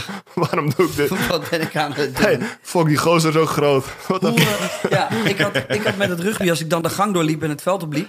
dan werd ik bijna overmand door angst. Ja, soms Die gewoon tranen in je gaat ogen. van diep, hè? Ja. Hoe ga jij daar overheen? Dat is gewoon je gedachten uitzetten? ja, gewoon uitzetten en gewoon eh, ook toelaten, weet je. Ja. Ehm, maar gewoon vooral tegen jezelf blijven zeggen, scherp blijven, gefocust blijven. Je weet wat je moet doen, Ja. weet je. Niet, niet dit doen, niet dat doen. Gewoon doen wat je moet doen. Ja, ja. Dus maar daar moet je mentaal heel sterk voor zijn om dat te kunnen doen. Door hoeveel walkout songs- ben je gegaan? Geen idee, man. Geen, geen idee. Maakt het uit? Ehm, nee, ja, maar mij in principe niet zo heel veel uit. Dat, eh, op een gegeven moment ben je wel een beetje aan het kijken, maar dat, als je eenmaal daar naar die coach toe loopt, dan ja, Dat hoor je ook niet meer. fuck it, gewoon knokken. Ja, ja, ja. Die Dos Santos, die heeft ook een, een gezicht waar gewoon, waarvan je ziet... Gewoon een film, toch? Ja, je ziet Echt gewoon... Het is een vechter. Ja. Als je een soort van vechter zou moeten tekenen... en hoe zijn gezicht eruit ziet, dan is dat het. Ja, hij heeft eh, een flink, ehm, flink lijstje littekens, mooie bloemkoren, Ja. neusje dat dit- niet helemaal ja, recht meer is. De oor, zijn rechteroor ziet er nog wel redelijk gezond uit. Zijn linker niet. Ja, zijn linker is wel een soort, echt een soort Kremlin. Hey, hey man, jij, jij doet MMA, je hebt helemaal niks. Oh shit, Eh, I'm sorry. draai je anders gewoon weer even om. Vond ik je veel vriendelijker. Dat is wel mooi. Daar had ik het laatst met iemand over, over bloemkooloren. Toen ik in het begin vroeg, vroegen mensen naar mijn oren en dan zeiden ze van... Ja, wat is dat? Dan moest ik het uitleggen en dan zeiden ze... Ja, nou, dat is toch lelijk. En nu, door het MMA, Wordt het cool. wordt het een soort van... Je krijgt een soort van respect dat je bloemkool Ja, hebt. ja. Van, oh ja, mensen herkennen het. Het is een goede naam voor een documentaire, man. Bloemkooloren. Als een keer een documentaire over Nederlandse vechters of zo. Lauwe, lauwe Dat naam. is heel hard. Ja, Dat is namelijk ook best een zielige naam. ja maar aan de dan andere is kant het wel weer zegt het ook heel veel. Ja, toch? Ja, Het is ook, want cauliflower ear klinkt dan nou wel toffer. zeker. Bloemkool Bloemkool. klinkt super kut. Volgens mij heb je niet de trainer uit Frankrijk eh, bij hem, Ngannou. hij heeft wel mij- getraind in Frankrijk, geloof ik, toch? Of, of Ik heeft hij getraind geen- in, eh, bij die PI? Ik heb geen idee. Ik heb het niet heel... Volgens mij was hij in Vegas, maar volgens mij... Dat is die wat dik- dikkere, donkere eh, guy, toch? Die wordt korter, maar hij, hij heeft nu... ehm, Hij heeft nu John mee. Hij heeft nu John Fraser mee. nee, ik ben even zijn naam kwijt. Ook een oud K1-vechter, die, die houdt heel veel mensen op. Die woont in Las Vegas. Eh, Cooper, volgens mij. Die met die dreads. Oh. Nog, alsje. Wil je ook koffertje, Stefan, toevallig? Eh, nee, water is goed, joh. Ja, Dewey Cooper staat in zo. Ik zie Dat ze... is hij toch, of niet? Zijn coach uit Frank Frankrijk zie ik nog niet staan. Maar Is niet misschien diegene daarachter? ja, dat, eh er, loopt, er loopt zes man achter, maar die Ja. zie je helemaal niet. Gewoon. Wie- wa- wat wil Je jij, weet nooit zo precies hoeveel mensen erachter Volgens mij, eh, volgens mij wie had jij in je hoek, Stef? laatste wedstrijd. Ja, Bob sowieso altijd. Eh, laatste was mijn broer en eh, Niels. Wow, Thanks. Bob ook. Dat is ook, zat ik, laatst kwam ik weer iets tegen, dacht ik bij mezelf. Dat is ook een legend, hè? Ja, 100, iets van 140, 150 wedstrijden gevochten op alle regels die je maar kan verzinnen. Bare knuckle, eh, noem maar op. Weet je, in Siberië, bare knuckle. Ja, leuk man, pak het vliegtuig. Ja, hij vond het ook leuk en hij een vond het, fijne hij guy vond ook. het top om te doen, ja. Dat, Heeft eh, Bare Knuckle, heeft Bare Knuckle Fighting een heavyweight division nu? ik heb geen idee. Volgens ik mij heb, niet. Ik heb er Volgens niet echt ook niet. interesse Nee. in. Dat zou ook Ik heb het niet voorbij zien komen in ieder geval. Ik ga in ieder geval niet bare knuckle boksen. Dat beloof ik jullie. Ik heb, ik, doe dat ik, doe dat niet. Nee. En hier heb je de check. Volgens mij ook eh Kamaru, Kamaru Oesman. tekent hij. Oh, 10 miljoen. Ja. Kamaru Oesman in zijn hoek ook, volgens mij hier. Die, ehm, Ik, ook- ik wel heel erg met die soort Afrikaanse movement die er is, gaande is. En, maar ik vind het wel vet. Ja, no, het was eh, sinds kort pas eigenlijk. Want de Afrikaanse vechters die, eh die eh, bereikten eigenlijk nooit heel veel. En nu heb je toch een paar jongens die echt... Terwijl ze fysiek zo goed zijn. Ook Kamaru, die heb ik veel zien trainen in Florida bij Hard Knocks. Ehm, maar als je ziet hoe goed die man is, hoe fysiek sterk die man is. Dat is echt niet normaal. Ja, de theorie achter bijvoorbeeld voetbal, weet ik, is dat hoe meer verenigingen een land heeft, hoe meer goede voetballers het voortbrengt. Dus het is niet, heeft niet te maken met DNA, heeft niet te maken met hoeveelheid mensen in een land, heeft te maken met verenigingen. Dus dat zou misschien wel sens maken dat er nu meer eh, ruimte is om te trainen in Afrika dan voorheen. Ja, maar al deze jongens die eh, uit Afrika komen trainen in Amerika, volgens mij. Dus Ja, oké, maar voordat je daarheen gaat, moet je wel eerst natuurlijk een soort 10 kilometer hebben gelopen voor je water elke dag. Zeg maar. Ja, en dat heeft Ngannou, eh, want ik, ik sprak hem toen, want hij is toen drie weken bij ons geweest. Heb ik drie weken lang iedere dag met hem getraind. Heeft hij me ook verteld dat hij deed. Hij heeft gewoon zijn hele leven lang zand lopen scheppen. Moest Ja, hij een, ja. ber- een berg op om water te halen. Ja. die, die man pakte gewicht alsof het, eh, alsof het een, Dat eh, een bol- die- dik bolletje was. Zie je bij de rugbiers uit de eilanden ook. Uit, uit Samoa, Fiji, Tonga. Daar Ja. moeten ze allemaal nog met kokosnoten, rugbier en op blote voeten. En op school lopen ze tegen elkaar aan. Crazy. En in, ehm, in eh, Samoa ehm, is dus 30% van de bevolking rugbyspeler of zo. Ehm, en daarvan is weer bijna 29% professioneel. Het is echt absurd. Gek. Daarmee heb je gewoon 80% meer kans om rugbyprofessional te worden. Omdat je fysiek gewoon veel groter, sterker en beter bent. We gaan zo meteen eh, kunnen afstemmen. In ieder geval zitten we nu te kijken naar. eh,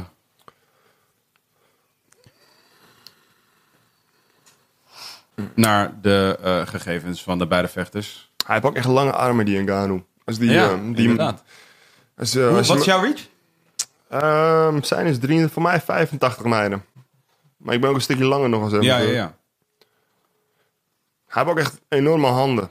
Als die man je vast had en hij had zijn handen in één, die waren met geen mogelijkheid los te krijgen.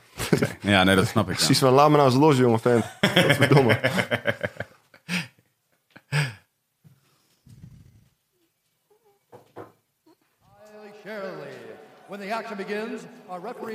Heb je wel eens, eh, ben je wel eens begonnen aan een gevecht dat je dan een naam van een jurylid hoorde dat je dacht, nee.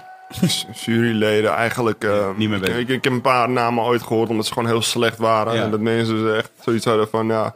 Ja, ik had altijd zoiets van, fuck it, ga gewoon Ja, ja, knokken. precies, ja, ja, Die juryleden. Dus daar moet het niet op aankomen. Ja. Nee, dat zeker niet. Ik vond het in het begin al wel vet. Die, eh, die scheidsrechters dan die dan mijn, mijn partijen deden. Herb Dean, John, Ja, ja. John McCarthy, eh, noem maar op, weet je. En na een tijdje precies van, ja. Ik zat in Londen Maar- vorige week, dus echt wel vlak naast eh, John McCarthy. Dat was wel echt intens. Ik ben even aangeraakt. Zo Ik heb het niet even aangeraakt, nee. Ik ben op de foto gegaan met Chill Sonnen, maar dat was meer uit een soort podcast-achtige respect ook. Dat ik dacht van, ja, hij is wel echt, hij is wel gek. Chill is ook wel de man. Ja, toch? Chill is wel een Ja. hele, hele goede Een aardige guy. Hele aardige gozer. Een van de weinige kerels die, die, waar ik gewoon rustig gewoon van die 10 minuten kwartier eh, monologen kan checken, terwijl hij gewoon in een stoel zit. Dat Gewoon- heeft hij nu, hè? Ja, lijp, kill. Ik snap er helemaal niks Ik van. ook Ik ben helemaal een soort van intrigued. Ik kijk gewoon en denk ik, hé, heb ik weer gewoon een kwartier naar hem geluisterd. Een monoloog gewoon. Ja. Gek. Hij gaat ook gewoon zitten. Volgens mij neemt hij er twintig op een dag op. En dan gaat hij gewoon zo zitten zo. Hij praat alsof hij met iemand praat, toch? Maar hij praat met niemand. Gek. Eh, ja, de vechts worden nu eh, aangekondigd. De Santos doet zijn signature move. Hoe kom je daarbij, hè? Zo'n signature move. Poh, kijk nou, jongens. Ik denk, dat, ik denk dat mijn hele vechtcarrière zou zijn gegaan over alleen het hebben van een signature move. ik denk dat het heel goed is dat ik er nooit aan begon. Ik zou waarschijnlijk alleen maar hebben gedacht... Ah, here comes the signature move. Dit is toch graniet? Je hebt, je hebt die ene hele throwback foto van hem toen hij dus nog in Afrika woonde... waar hij eruit zag alsof hij in G-Unit zat. Heb je die, heb je die foto? Nee. Dat is een soort van de, de foto van hem van vroeger. Want ik denk dat ook niet bijst veel foto's van hem zijn natuurlijk. Nee. Echt zo'n G-Unit foto. Die moet je zo even bij te pakken, Twan. Dat is heel grappig. Gemaakt met een 3310. Kijk dan. Wanneer krijgen we een klok dan, Twan? Jullie zien hem gewoon in beeld. Ja. En eh, ik zet hem gewoon aan op het moment dat de Ah, oké, ronde begint. cool. Dus ik hoef helemaal niks, ik hoef niks te doen nu. Nee, ik kan alleen zeggen. Alright, nou, we gaan beginnen. Wat zeggen we? Eerste ronde? Ik, ehm, ik denk het wel. Wat? Dat, Over. Dat Nee, joh. eindigt, in de eerste ronde. Nee, kom op. Ik denk het wel. Nee. Echt? Dat hoop ik niet. Of het moet echt heel spectaculair Oké, zijn. we zijn onderweg. Oei. Bang. Eh, Low kick. Ook niet verwacht. Nee, een goeie. Goeie lage Heb ik ook niet eerder zien doen, toch? Niet, niet heel veel. Maar die man wordt technisch ook telkens beter. Ja.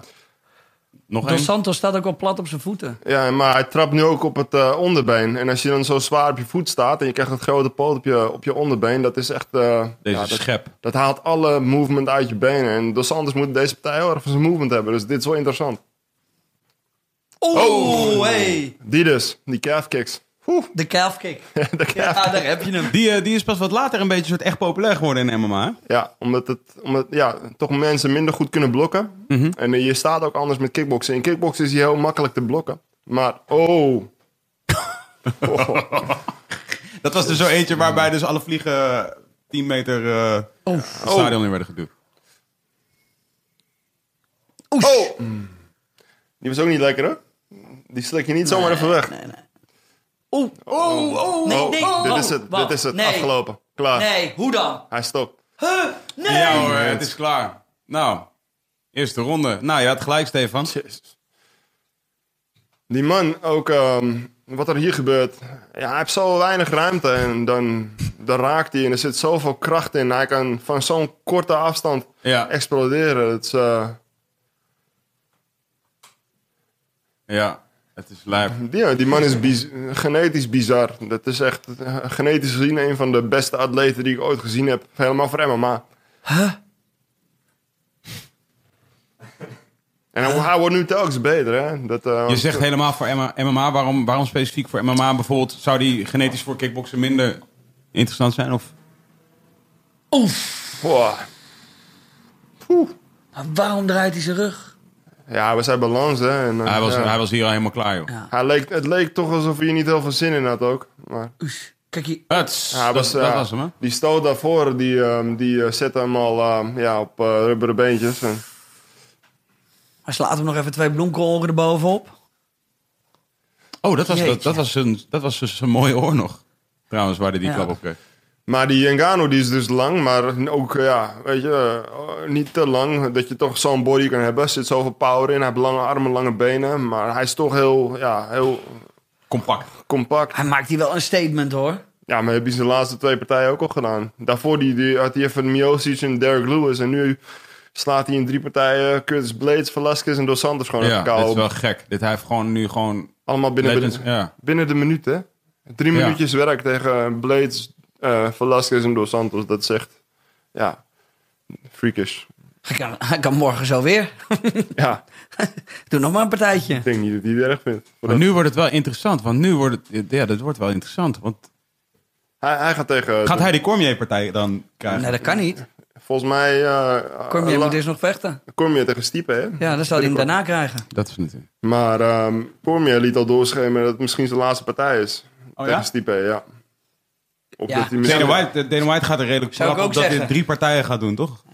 Zou ik ook zeggen. Zo, Of ik moet nog een keer door Jones in elkaar getrapt worden. Of een Garo staat op me te wachten. Ik oh man, wel. ja, dat zijn echt geen, er zijn geen, allemaal geen goede opties. Kutoptie? Kutoptie. Of gewoon lekker retiren. Retiren. eh, t- eh, Als heavyweight champ. Ja. Jeetje. Jezus. Thank you. Ja. Hij raakte hem ook goed achter zijn oor. Wauw. Ik moet even bijkomen ervan.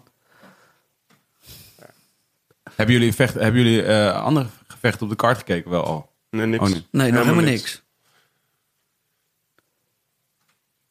Ja, het is ook niet meer verrassend dat hij dit doet. Hè. Als het gebeurt, dan heb je zoiets van... Ja, die man is genetisch zo goed. En als hij je raakt, is het gewoon klaar. Je weet het gewoon. Als het gebeurt, hij heeft het al een paar keer laten zien. Ja. Dan... eh, ik denk, ja, er, er zijn weinig mensen bestand tegen die kracht. Als je Ja. geraakt wordt, ga je gewoon zitten, klaar. Oesman staat gewoon daarachter. Die denkt, ja.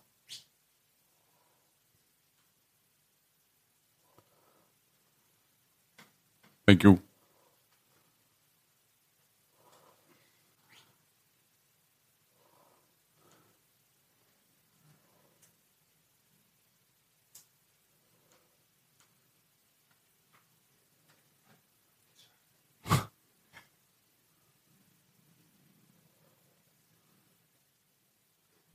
De title shot. Oh ja, maar de Stipe rematch, dat zou natuurlijk ook wel echt lauw. Die wil ik wel zien. Ja. Wil je die liever zien dan de Cormier fight? Ja. Cormier is ook hard. Lastig hoor. Ik ben, ik ben wel benieuwd. Ik zou wel willen zien of Cormier hem zo naar de grond gaat krijgen. en, hem- Dat, dat zat ik ook meteen te denken, ja. hem echt in eh, deep waters eh, gaat brengen. Ja.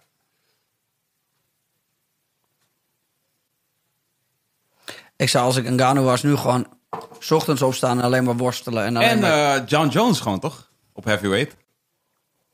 ja, daar hadden ze het van de week toevallig over. Hij zei ook wel dat het een leuke partij zou zijn. Dat, eh, Het zou wel interessant zijn. Ook hoe, eh, hoe gaat Jones tegen hem vechten? Want het is toch een van de slimste vechters ter wereld. Ja, ja, ja. Dat, eh, Wow, maar ik zou Jones tegen Ngannou. Lauw, toch? Wow, daar heb ik niet eens over nagedacht. Ja, dat, dat kan ook gewoon, ja. Poh. En Thiago Santos? Ja, die gaat niet halen. Nee, ja. die, eh, die verbleekt hoor, als je hem naast Ngannou zit. Dat is een klein mannetje gewoon. Dat, Ja? eh, dat is niet te vergelijken. Deze, deze man is zo'n kast. Hey, dit is wel echt mooi, man. Maar hij was... Je ziet ook aan ook hoe hij nu reageert. Hoe Kijk hoe nu- blij John hij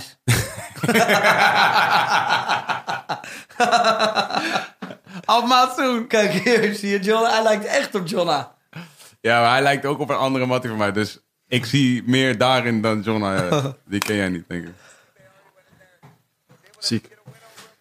Ja, het is wel mooi. Maar hij, zelfs hoe, hoe, hoe rustig hij reageerde net tijdens het interview... heb- geeft mij het gevoel dat hij echt hier alleen maar kwam om deze zaken te doen. Ja, maar hij, hij weet inmiddels wat hij kan. Ja. Dus dat is hier gaan beseffen. En hij, hij traint er ook naar met de UFC. Die halen ook gewoon de beste mensen naar Las Vegas voor hem. Ja. Om eh, ja, alles wat hij moet verbeteren, te verbeteren. Dus die, die houden hem wat dat betreft ook wel in de gaten. Maar als je Dus, dan zo'n goede vechter bent bij de UFC en ze halen van alles binnen voor je, Ja. doen ze dat dan ook bij anderen? Eh, Ja, minder snel Of hoe natuurlijk. beter je bent, Dat, hoe- hoe eh, beter je hij, hij, maken. hij kan ook echt gewoon voor hun de, de toegang tot Afrika zijn, hij en Oesman. Als je weet hoe groot Afrika is, weet je, dat, dat gaat ook allemaal mee in hun plan natuurlijk. Ja. En ja, hij, hij kan gewoon, als je deze man op een magazine zet, als UFC-kampioen. Ja. Op Hoe, de game. Hoe, hoe, hoe eng is die man? Ja, toch? Dat, Die, die, eh, game, die game is er trouwens niet meer, hè? Die UFC-game. Ieder jaar een nieuwe. Ja, Komt er een nieuwe aan? ja ik, eh, ik had van de week trouwens een brief gehad dat ik ook weer eens opgenomen. Oh ja, was. waarste. Heb je, gewoon- heb je, vecht je altijd met jezelf? Ik heb dat spel echt al drie jaar niet gespeeld of zo. Dat, eh, ik, eh, ja, weet niet. Dat, de eerste vond ik heel gaaf. Daarna is het eigenlijk een beetje normaal geworden. Ja, ja, ja. Maar, maar, maar vocht je, met wie vocht je? Ja. Hey, kom op. kom op. Hey, kom op. Tuurlijk gewoon met jezelf. Dat, eh het kon je- het blijft wel bizar om dat te kunnen doen, weet je. Dat, Ja, eh, gek lijkt me dat. Videospelletje, ja. Kon je, kon je, was je het eens? Was je het eens met zeg maar, dat wat ze je hadden gegeven aan skills? Ze deden op een gegeven moment waren ze er wel heel goed in, ook met bewegen en dingen die je deed en hoe je bepaalde dingen opzette en zo. En eh, ja, dat was echt eh, bijna eng om te zien. Ook eh, moedervlekken en eh, weet ik het allemaal, alles klopte gewoon echt helemaal. Dat, eh, ja, ik, ja, ik, ik, zeggen, ik heb het al de hele tijd niet ges- gespeeld, maar dat blijft natuurlijk wel iets bijzonders. Ja, ja. Af en toe dan, dan, dan denk je je er er voor even... betaald? Ja, maar niet, niet, niet, niet heel veel hoor. Nee. Dat is niet eh, bijzonder. Dat zouden ze ook iets meer met ons mogen delen eigenlijk. Maar eh, ja, de, het, ehm, dat soort dingen ook uh, tot nu toe mijn carrière. Af en toe dan, dan is het allemaal gewoon maar normaal geworden wel. En af en toe dan, eh, dan zit je echt even op de bank of zo en sta je even bij stil. En dan heb je wel zoiets van, hey, ja, het is wel best wel, eh, best wel gekke huis geweest. Alle dingen die je gedaan hebt, zo de laatste tien jaar. Waar je allemaal geweest bent, wat je allemaal gedaan hebt. eh, ook daarvoor al gewoon echt, eh, ja. En Nee, je bent pas 31 ook. Ja, dat. Dat Ja. is zo gek, want ik, ik, ja, ik, ik kan me zo voorstellen dat als je, weet ik veel, als je 45, 50 bent, dat je dan een keer terug gaat kijken en gaat denken van, wow, ik heb Je een bent hoop nog niet shit eens in je gedaan. prime. Maar je bent, ja, je bent soort athletic, athletically ben je nu daar. Ja, ik voel me ook wel heel sterk met trainen en zo hoor. Dat, eh, qua kracht en zo. Dat, eh, maar het moet allemaal kloppen ook, weet je. En het kan misschien met een paar weken dat ik weer zeg van ja, weet je, dit is toch wel. eh, Wat je maar moet dat, doen. eh, ja, op een gegeven moment, kijk, ik vind de sport leuk. Ik ben ermee begonnen omdat ik het leuk vond. Dus ik heb er nooit eh, in het begin heel erg bij stilgestaan om er heel veel geld mee te gaan te verdienen. Ik vond het gewoon een heel gaaf, leuke uitdaging. Maar op een gegeven moment ga je ook wel meer voor het, voor, het geld vechten. En dan ga je bij nadenken, hier partij zijn zwaar. Wil je tegen zo'n gozer staan eh, als je neergaat? Ja, dat is niet lekker, dat is ook niet gezond. Weet je, telkens meer met het CTE ook, waarvan ze die film gemaakt hebben Ja. met Will Smith. eh, dat je na een eh, verloop van tijd toch... eh, ja, je hersenen die, die breken zichzelf gewoon af. Weet je, dat zijn dingen als je dat hebt. Ja, dat wil niemand. Toch? Ik hoorde dat er onlangs een, eh, een mooie reportage is geweest over Arne van der Leijden, die, eh, die, die, eh, die, die zich had laten checken Aha. En eh, helemaal clean daaruit kwam. Ja, maar CTE, CTE, 100 kan je. CTE kan je pas zien als iemand overleden is. Dat kan je niet zien op scans. Dus dat is ook nog iets heel engs. Daar zijn ze nog heel erg mee bezig hoe dat ontwikkelt. Omdat dat het toch pas iets is van de laatste jaren. Ja. En eh, dat kunnen ze pas zien als ze je dus openmaken. En dus je hersenen gaan bekijken hoe, Oké. hoe alles eruit ziet. En ja, dat... eh, bij een aantal vechters die overleden zijn, hebben ze dit dus gedaan. En ja, dat, dat soort dingen, dat, dat moet je toch van je af kunnen zetten. Ja, ja, als je gaat trainen, als je gaat voorbereiden, als je die kooi instapt. Want als je onzeker bent en bang daarvoor bent, ja, dan ga je hem juist krijgen. Kun je uitleggen wat er precies, eh, hoe dat ging toen jij daarachter kwam dat je zeg maar eh, iets aan je hart had? Ja, het was heel eng om heel diep te gaan, zeg maar. Dat, eh, daarvoor maakte het nooit nooit uit. Wa- Was ik helemaal stuk, dan gooide ik er nog even een stukje bovenop, weet je. Dat, Want hoe, hoe lang geleden is dit? Ehm, dat het gevonden werd, was 2013. Dus dat is ook weer een tijd geleden. Maar ehm, hoe moe je ook was, als je ergens pijn kreeg en je was aan het trainen, dacht je er niet meer na. Het maakte niet uit, weet je. Ja. Als je daarna aan het trainen bent en je krijgt ja, een beetje last van je borst, weet ik wat aan je trainen bent. En ja, dus ga je toch automatisch een beetje minder hard, weet je. Ook in die kooi was het best wel eng om weer echt moe te worden in die kooi. Terwijl Ja. ik daarvoor altijd gewoon nooit problemen mee had. Dan was ik moe, was hij moeier, weet je. En dan ga je nog dieper. Ja, Ja. op een gegeven moment, oh fuck mijn hart, ja, toch wel heel veel twijfel. Ja. Zo mentaal heel moeilijk geweest. Kan ik me voorstellen. En, en ehm, want toen je, toen je terugkwam, eh, leek je dus helemaal, helemaal clear, of je was helemaal gekleerd, eigenlijk medically. Maar Ja. toen, toen viel zich dat dus voor wat, wat zich voorviel. Dus eh, uiteindelijk viel je toen flauw. Ja, het was even een blackout. En eh, toen achteraf bleek dat ik wel ehm, ehm, slecht reageerde op de medicatie die ik toen had. Dus het was sowieso mentaal heel zwaar om terug te komen. En dan zit je eindelijk weer in de kleedkamer, heb je die spanning en zo. En die, ja, het is gewoon echt extreme spanning, hè. Eh, ik denk dat het met heel weinig dingen te vergelijken is. De Ja. spanning die een vechter voelt voordat hij die kooi zo inloopt. En ehm, dan heb je er ook nog iets bij wat je sowieso al eh, ja, een beetje depressief down maakt. Ehm, dat gaat niet helpen natuurlijk. Ja. Het was echt alsof de muren op me afkwamen. Ik kon gewoon echt met die, met die spanning dealen. En eh, ja, mijn lichaam had echt zoiets van... Oké, vandaag even niet. Maar zo, Ja, zo. En ja, daarna weer op moeten bouwen. Dus toen daarna... Toen zetten ze me tegen eh Alistair, die partij. Ja. Dat is ook niet echt de partij die je wil als je dat allemaal hebt meegemaakt. Ja, ja. Tegen een van de beste zwaargewichten ter wereld. En Maar toen, zeg jij eh, dan gewoon ja tegen? Ja, Ik had weinig Ja, keus. maar ik bedoel ja. Ik had weinig keuze ook. Ja. Dat, eh, wat, eh, ja, wat ga je Kan- zeggen? Nee, ik, eh, ik, wil ik, Nou ja, je, hoort, je hoort een hoop verhalen dat vechters, zoals een cyborg nu bijvoorbeeld, zegt: Ja, ik hoef niet, geef me iemand Ja, daar, anders. maar daar hoor ik dan Maar- ook weer over dat dat juist een omgekeerd verhaal Ja, daarom. Dus hoe, hoe zit dat? Is het dan ze zeggen: Hey, hier heb je Alistair. ja. En jij zegt: Ja, maar ja, jongens, ik kom net ergens vandaan. Lijkt Ja. het jullie niet handig om misschien een andere vechter te kiezen? Ja, Of dat is op dat moment ook heel moeilijk natuurlijk. Ja. Gewoon om dat, om dat te doen. Je hebt niet heel veel eh, onderhandelingsruimte, zeg maar, Nee. op dat moment. Dus dat, eh, en hij had ook eh, drie van zijn laatste vier partijen verloren op elkaar op dat moment. Dus ja, je hebt toch wel zoiets van, ja, het kan wel. En als ik hem pak, dan ben ik wel gelijk helemaal terug. Ehm, maar toen had ik heel veel moeite om... ehm, zeg maar weer in fight-modus te komen. Ik, die spa- ik, ik bleef te rustig, zeg maar. En zie je ook in die partij. Ik was heel rustig. En een paar partijen daarna ook nog was het heel moeilijk om... ehm, eh, vaak als ik daarvoor de, de coin stapte, zag ik alleen maar schimmen. Dan stond jij 10 meter verderop. Ik zag alleen maar wazen. Weet je, ik zat echt helemaal in mezelf. Gewoon alleen maar het enige wat telde was hij die tegenover me stond. En ik was ook zo rustig. Ik zat op die coin. Ik zag alles. Ik weet niet. Het was gewoon. Het voelde niet alsof ik moest vechten. En dat gevoel moet je wel hebben als je gaat vechten. Weet je, je moet die adrenaline hebben. Je moet zo. Alleen ik vond het heel moeilijk om daar weer in te stappen. Dus ik zei tegen mezelf: nee, je moet rustig blijven, rustig blijven, rustig blijven. Weet je. Dus dat, eh, ja, dat was heel moeilijk daarna. Is er, is er voor jou ooit een heel duidelijk punt geweest waarop je koos om dit te gaan doen? In die zin dat ik kan me voorstellen dat je, je gaat een stapje bij stapje voor stapje voor stapje rol je, Mhm. rol je daarin. En op een gegeven moment, ja, dan ben je het ineens aan het doen. Of zo. Ik kan me ook voorstellen dat je op een, op, op een bepaalde leeftijd nog denkt, oké, nu kan ik eigenlijk nog alle kanten op. Ja. Eh, eh, was er zo'n bewust moment voor jou? Nou, ik had al een paar wedstrijdjes gevochten in Nederland. Toen, me, ik heb mijn haveldiploma gehaald, toen was ik 17. En ehm, toen eh, wist ik niet zo goed wat ik wilde doen eigenlijk. Toen was ik eh, even gaan werken. En eh, was ik wel gewoon blijven trainen. En toen een aantal partijen gevochten en ik bleef maar winnen, bleef maar winnen. En toen op een gegeven moment kwam er een kans om in Las Vegas een wedstrijd te vechten. Tegen een heel goede vechter die op, ook al de nominatie stond om naar de UFC te gaan. Ik was 18. En ehm, eigenlijk zou ik tegen iemand anders vechten, maar die partij werd daar gemaakt omdat hij zijn tegenstander ook uitviel. Hoe oud was hij? Ehm, hij was zoiets van 24, 25 of zo. Eh? All-American wrestler, 18. black belt uh, in Brazilian Jiu-Jitsu. Ehm, ja, doe het maar. Ga gewoon, weet je. Fuck it. Ik ben nu in Las Vegas. Ja, ik ga niet naar huis zonder te knokken. Dus dat, eh, en toen liet ik hem binnen 2,5 minuten afkloppen met een triangle. En toen had ik daarna wel zoiets van, hé, hey, weet je, ja, nu gaan we gewoon kijken hoe ver we kunnen gaan met dit. Dit is wel, eh, dit is wel interessant, weet je. En daarna weer naar Vegas. En toen eh, over de hele we- wereld wel eh, wedstrijden gevochten. En ehm, ja, toen eh, bleef ik maar winnen, bleef ik maar winnen. Kom ik op een gegeven moment in eh, Liverpool terecht. Vocht ik voor een organisatie waar heel veel vechters dan gescout worden om naar de UFC te gaan. En toen won ik drie keer van jongens die al in de UFC gevochten hadden. En toen was de UFC wel overtuigd. Die zeiden, ja, we willen je echt hebben. Toen kon ik ook kiezen om naar Japan te gaan voor Dream te tekenen. Dus het eh, nieuwe Pride. Of voor eh, Friction, wat toen eh, in Amerika nog was. Maar ehm, ja, UFC sprak mij meer aan. Dus, maar en toen kwam ik binnen. Toen kwam ik Dos Santos tegen in zijn prime.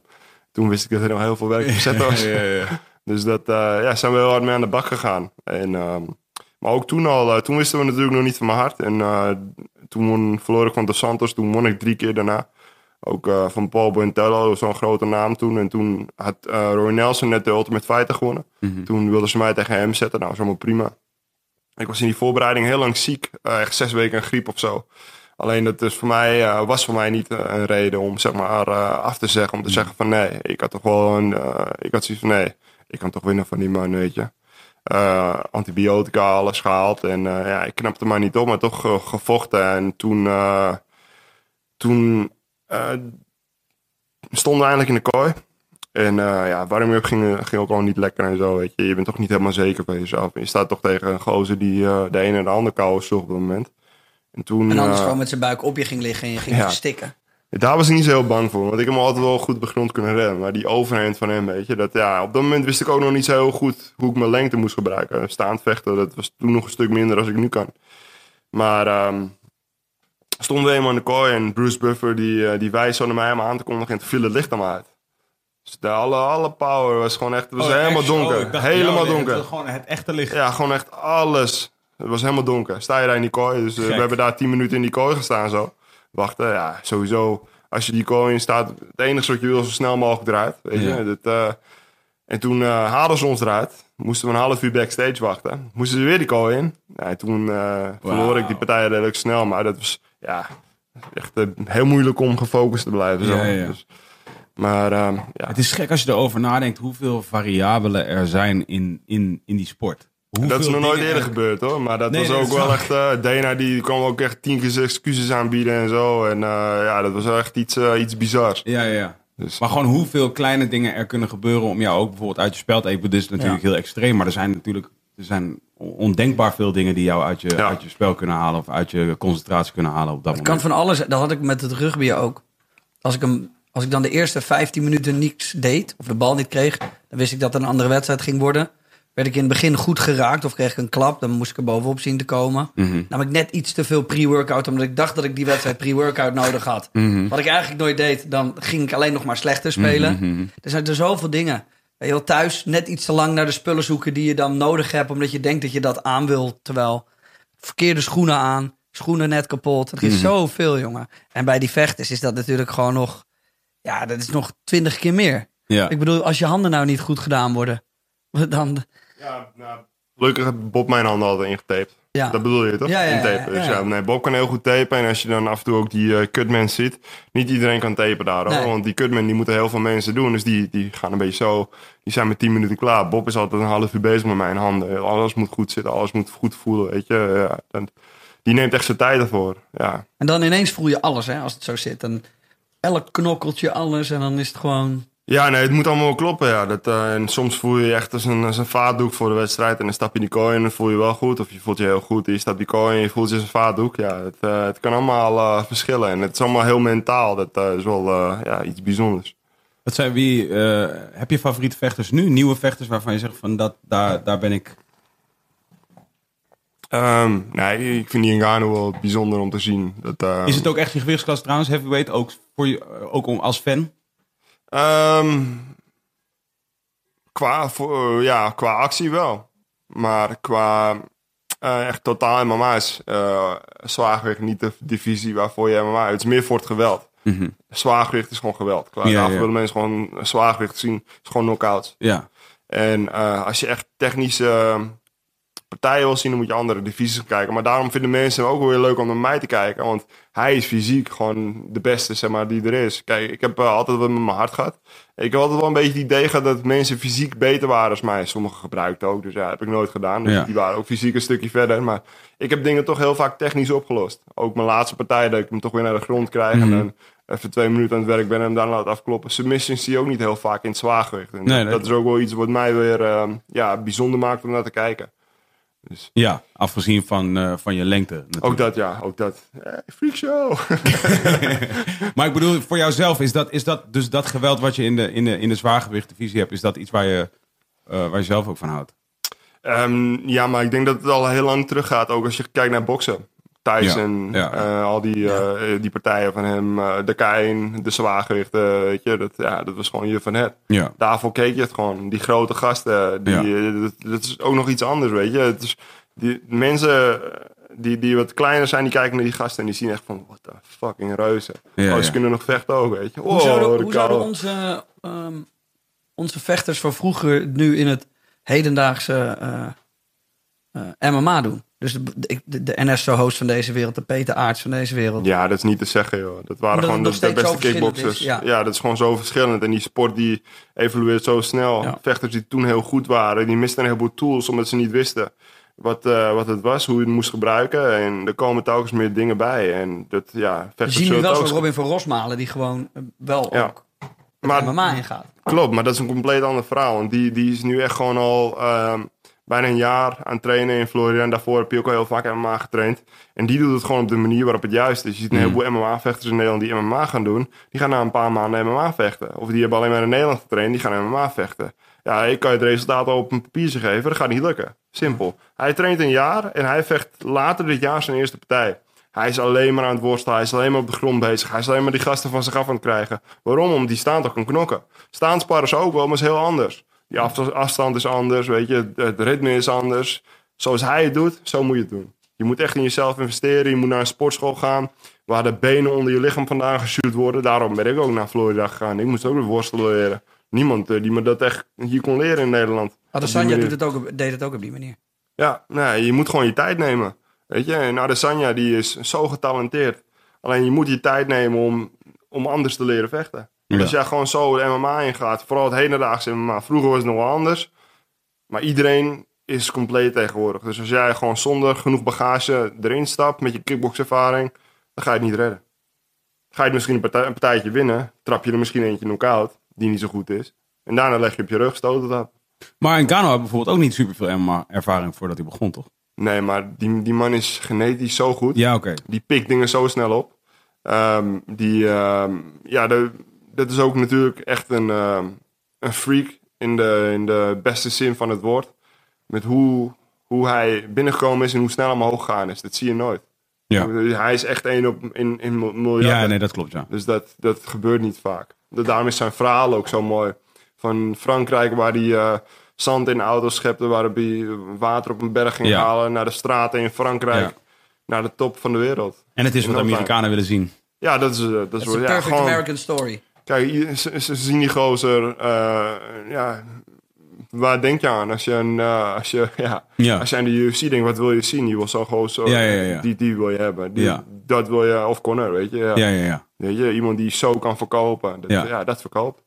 Simpel. Kon je daar, kon je daar in aarde? Jij, je, voordat de uitzending begon, eh, vertelde je dat je gisteren ook een wijk AC was. Ik ook toevallig. Ja. Ik heb dankzij jou, je hebt wat pro processierups achtergelaten voor me. Maar eh thanks daarvoor nog. Maar ehm, eh, kon je aarde daar in, in, in het Amerikaanse? Ja, je laat het gewoon op je afkomen, weet je. Dat, eh, voor mij was het nieuw, voor Bob was het ook nieuw. Eh mijn trainer, die, ehm, om, om iemand bij de UFC te hebben op dat niveau. En vooral als je zo jong bent, weet je. Dat ja, is iets bizars eigenlijk. En ehm, je moet het gewoon op je af laten komen en kijken hoe, hoe het allemaal werkt daardoor. En eh, ja, ga gewoon knokken. Aan het einde van de dag gaat het erom hoe je het doet in die kooi. Ja, is dat zo? Is het, want ik bedoel, daar, gaan ook, daar zijn verschillende meningen over of dat echt de waarheid is, toch? Mhm. Maar als je uiteindelijk maar blijft winnen, dan kom je er wel. Dat is waar. Snap je? Alleen zoals McGregor, die was wel sneller. Ja. Die kwam wel sneller ergens omdat hij een grote waffel had. Ja. Maar die verkoopt ook heel veel kaarten. Nou ja, en over Adesanya kan je ook zeggen dat hij misschien een iets relaxtere eh, rit heeft gemaakt dan Whittaker om, om Ja. nu uiteindelijk te vechten met hem. Maar die heeft zich- zich wel bewezen in die partij. En Conor heeft zich ook bewezen, ondanks dat hij... eh, Een wat fijnere rit. sommige, sommige mensen zeggen van... eh, ja, hij heeft zich niet genoeg bewezen en zo. Maar uiteindelijk heb je wel die titels gepakt, weet je. Hij heeft ze nooit verdedigd, die belts. Dus ja, daar kan je wel weer in over in discussie. Maar Ja. uiteindelijk gaat het om presteren. Ja. Met die alleen die grote waffel, had hij niet gered. Chael Sonne, die zo goed kon verkopen, had alleen met zijn grote waffel niet gered. Nee. Maar die kreeg wel die partijen omdat hij zijn grote waffel had. Ja. Alleen deed hij het daarna wel heel goed. Ja. Dus ja. Ja, heb, jij, heb jij Connor zelf eh, ook gezien en ontmoet in zijn, in zijn habitat? Is die dan anders? Nou, ik, ehm, ik weet nog, eh, toen Gegard eh, zijn allereerste wedstrijd vocht voor de UFC in Zweden tegen Ilir Latifi in 2013, vocht Conor zijn eerste partij op eh, two weeks notice. Dus een invalpartij. En toen, het stadion was eigenlijk leeg toen hij naar de kooi liep. En ik zat naast Dana aan de kooi een paar partijen te kijken en een beetje te praten. En toen sloeg hij, sloeg hij Marcus Brimage kou. En Dana begon echt te glunderen. Zo. Die, eh, die had echt zoiets oké. Maar ook niet het idee dat hij zo groot kon worden natuurlijk. En daarna de wedstrijd had hij een beetje die interviews met hoe die is en zo. En eh, toen kwam ik hem tegen in het hotel. En toen had hij die bonus gehad van eh 60.000. Dus op dat moment heel veel geld, want hij had helemaal niks. Mhm. Dus toen was hij blij en toen het praatje gemaakt en zo. Maar daarna heb ik hem eigenlijk nooit meer gezien volgens mij. Dus ja. Maar voor de mensen die, van die hem wel tegenkomen, is hij wel eh, altijd respectvol gewoon. Kan me wel, een- zo, kan me ook wel zoiets voorstellen. Ja, Ja. je weet, of van, je weet met artiesten is het niet heel veel anders uiteindelijk. Van, ik bedoel, je, zet- je zet iets neer, maar ja, het is heel lastig om het de hele dag vol te houden om zo... Dat, Sommige mensen zijn gewoon klootzakken. Dat is wel waar. Dat hou je altijd. dat is wel waar, JJ. Zeker, Vincent. Ben, jij- ben jij... eh, ehm, ehm, waar, hoop jij dat het, waar hoop jij dat het allemaal dat het, dat het heen gaat, zeg maar, MMA? Want het is, ik bedoel, het is, aan, het is geëxplodeerd wel over de afgelopen, nou ja, Ja. jaar of vijf, zes, zeven. eh, aanzienlijk veel groter geworden. Eh, Ja, als het zo doorgaat zoals het nu gaat, is het helemaal prima. Ook in Nederland, weet je. Je gaat nooit iedereen fan krijgen van de sport. En ehm, dat, ja, niet iedereen houdt van hockey, niet iedereen houdt van voetbal. Hou je gewoon lekker met je eigen ding bezig. Ehm, ik snap wel dat mensen, sommige mensen niet naar kunnen kijken, weet je. Ehm, deze kou is dan al oké, maar zoals die Alice de kou sloeg, dus ik ook echt van wow. ja, ja, ja. Wow. Even Waarom slikken. doe je dit, weet Ja, je? ja. Waarom doe ik dit?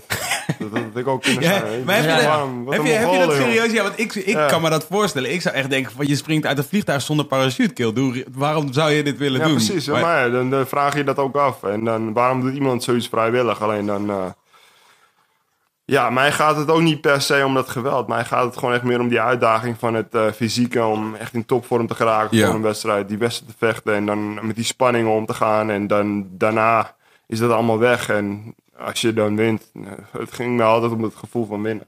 Dus nu, Ja. toevallig dus in die, in die Mike Kerr documentaire die ik dus net gekeken heb, daar zie je ook... eh, oh nee, dat was eigenlijk het interview wat Daarna. niet in de documentaire zit, wat, wat toevallig ik ook ging kijken, want Ja. dat is het eerste ding wat gesuggereerd wordt na de documentaire. Ja. Waarin die dus ook vertelt van, weet je, er valt wel uiteindelijk eh, een, een, een gat.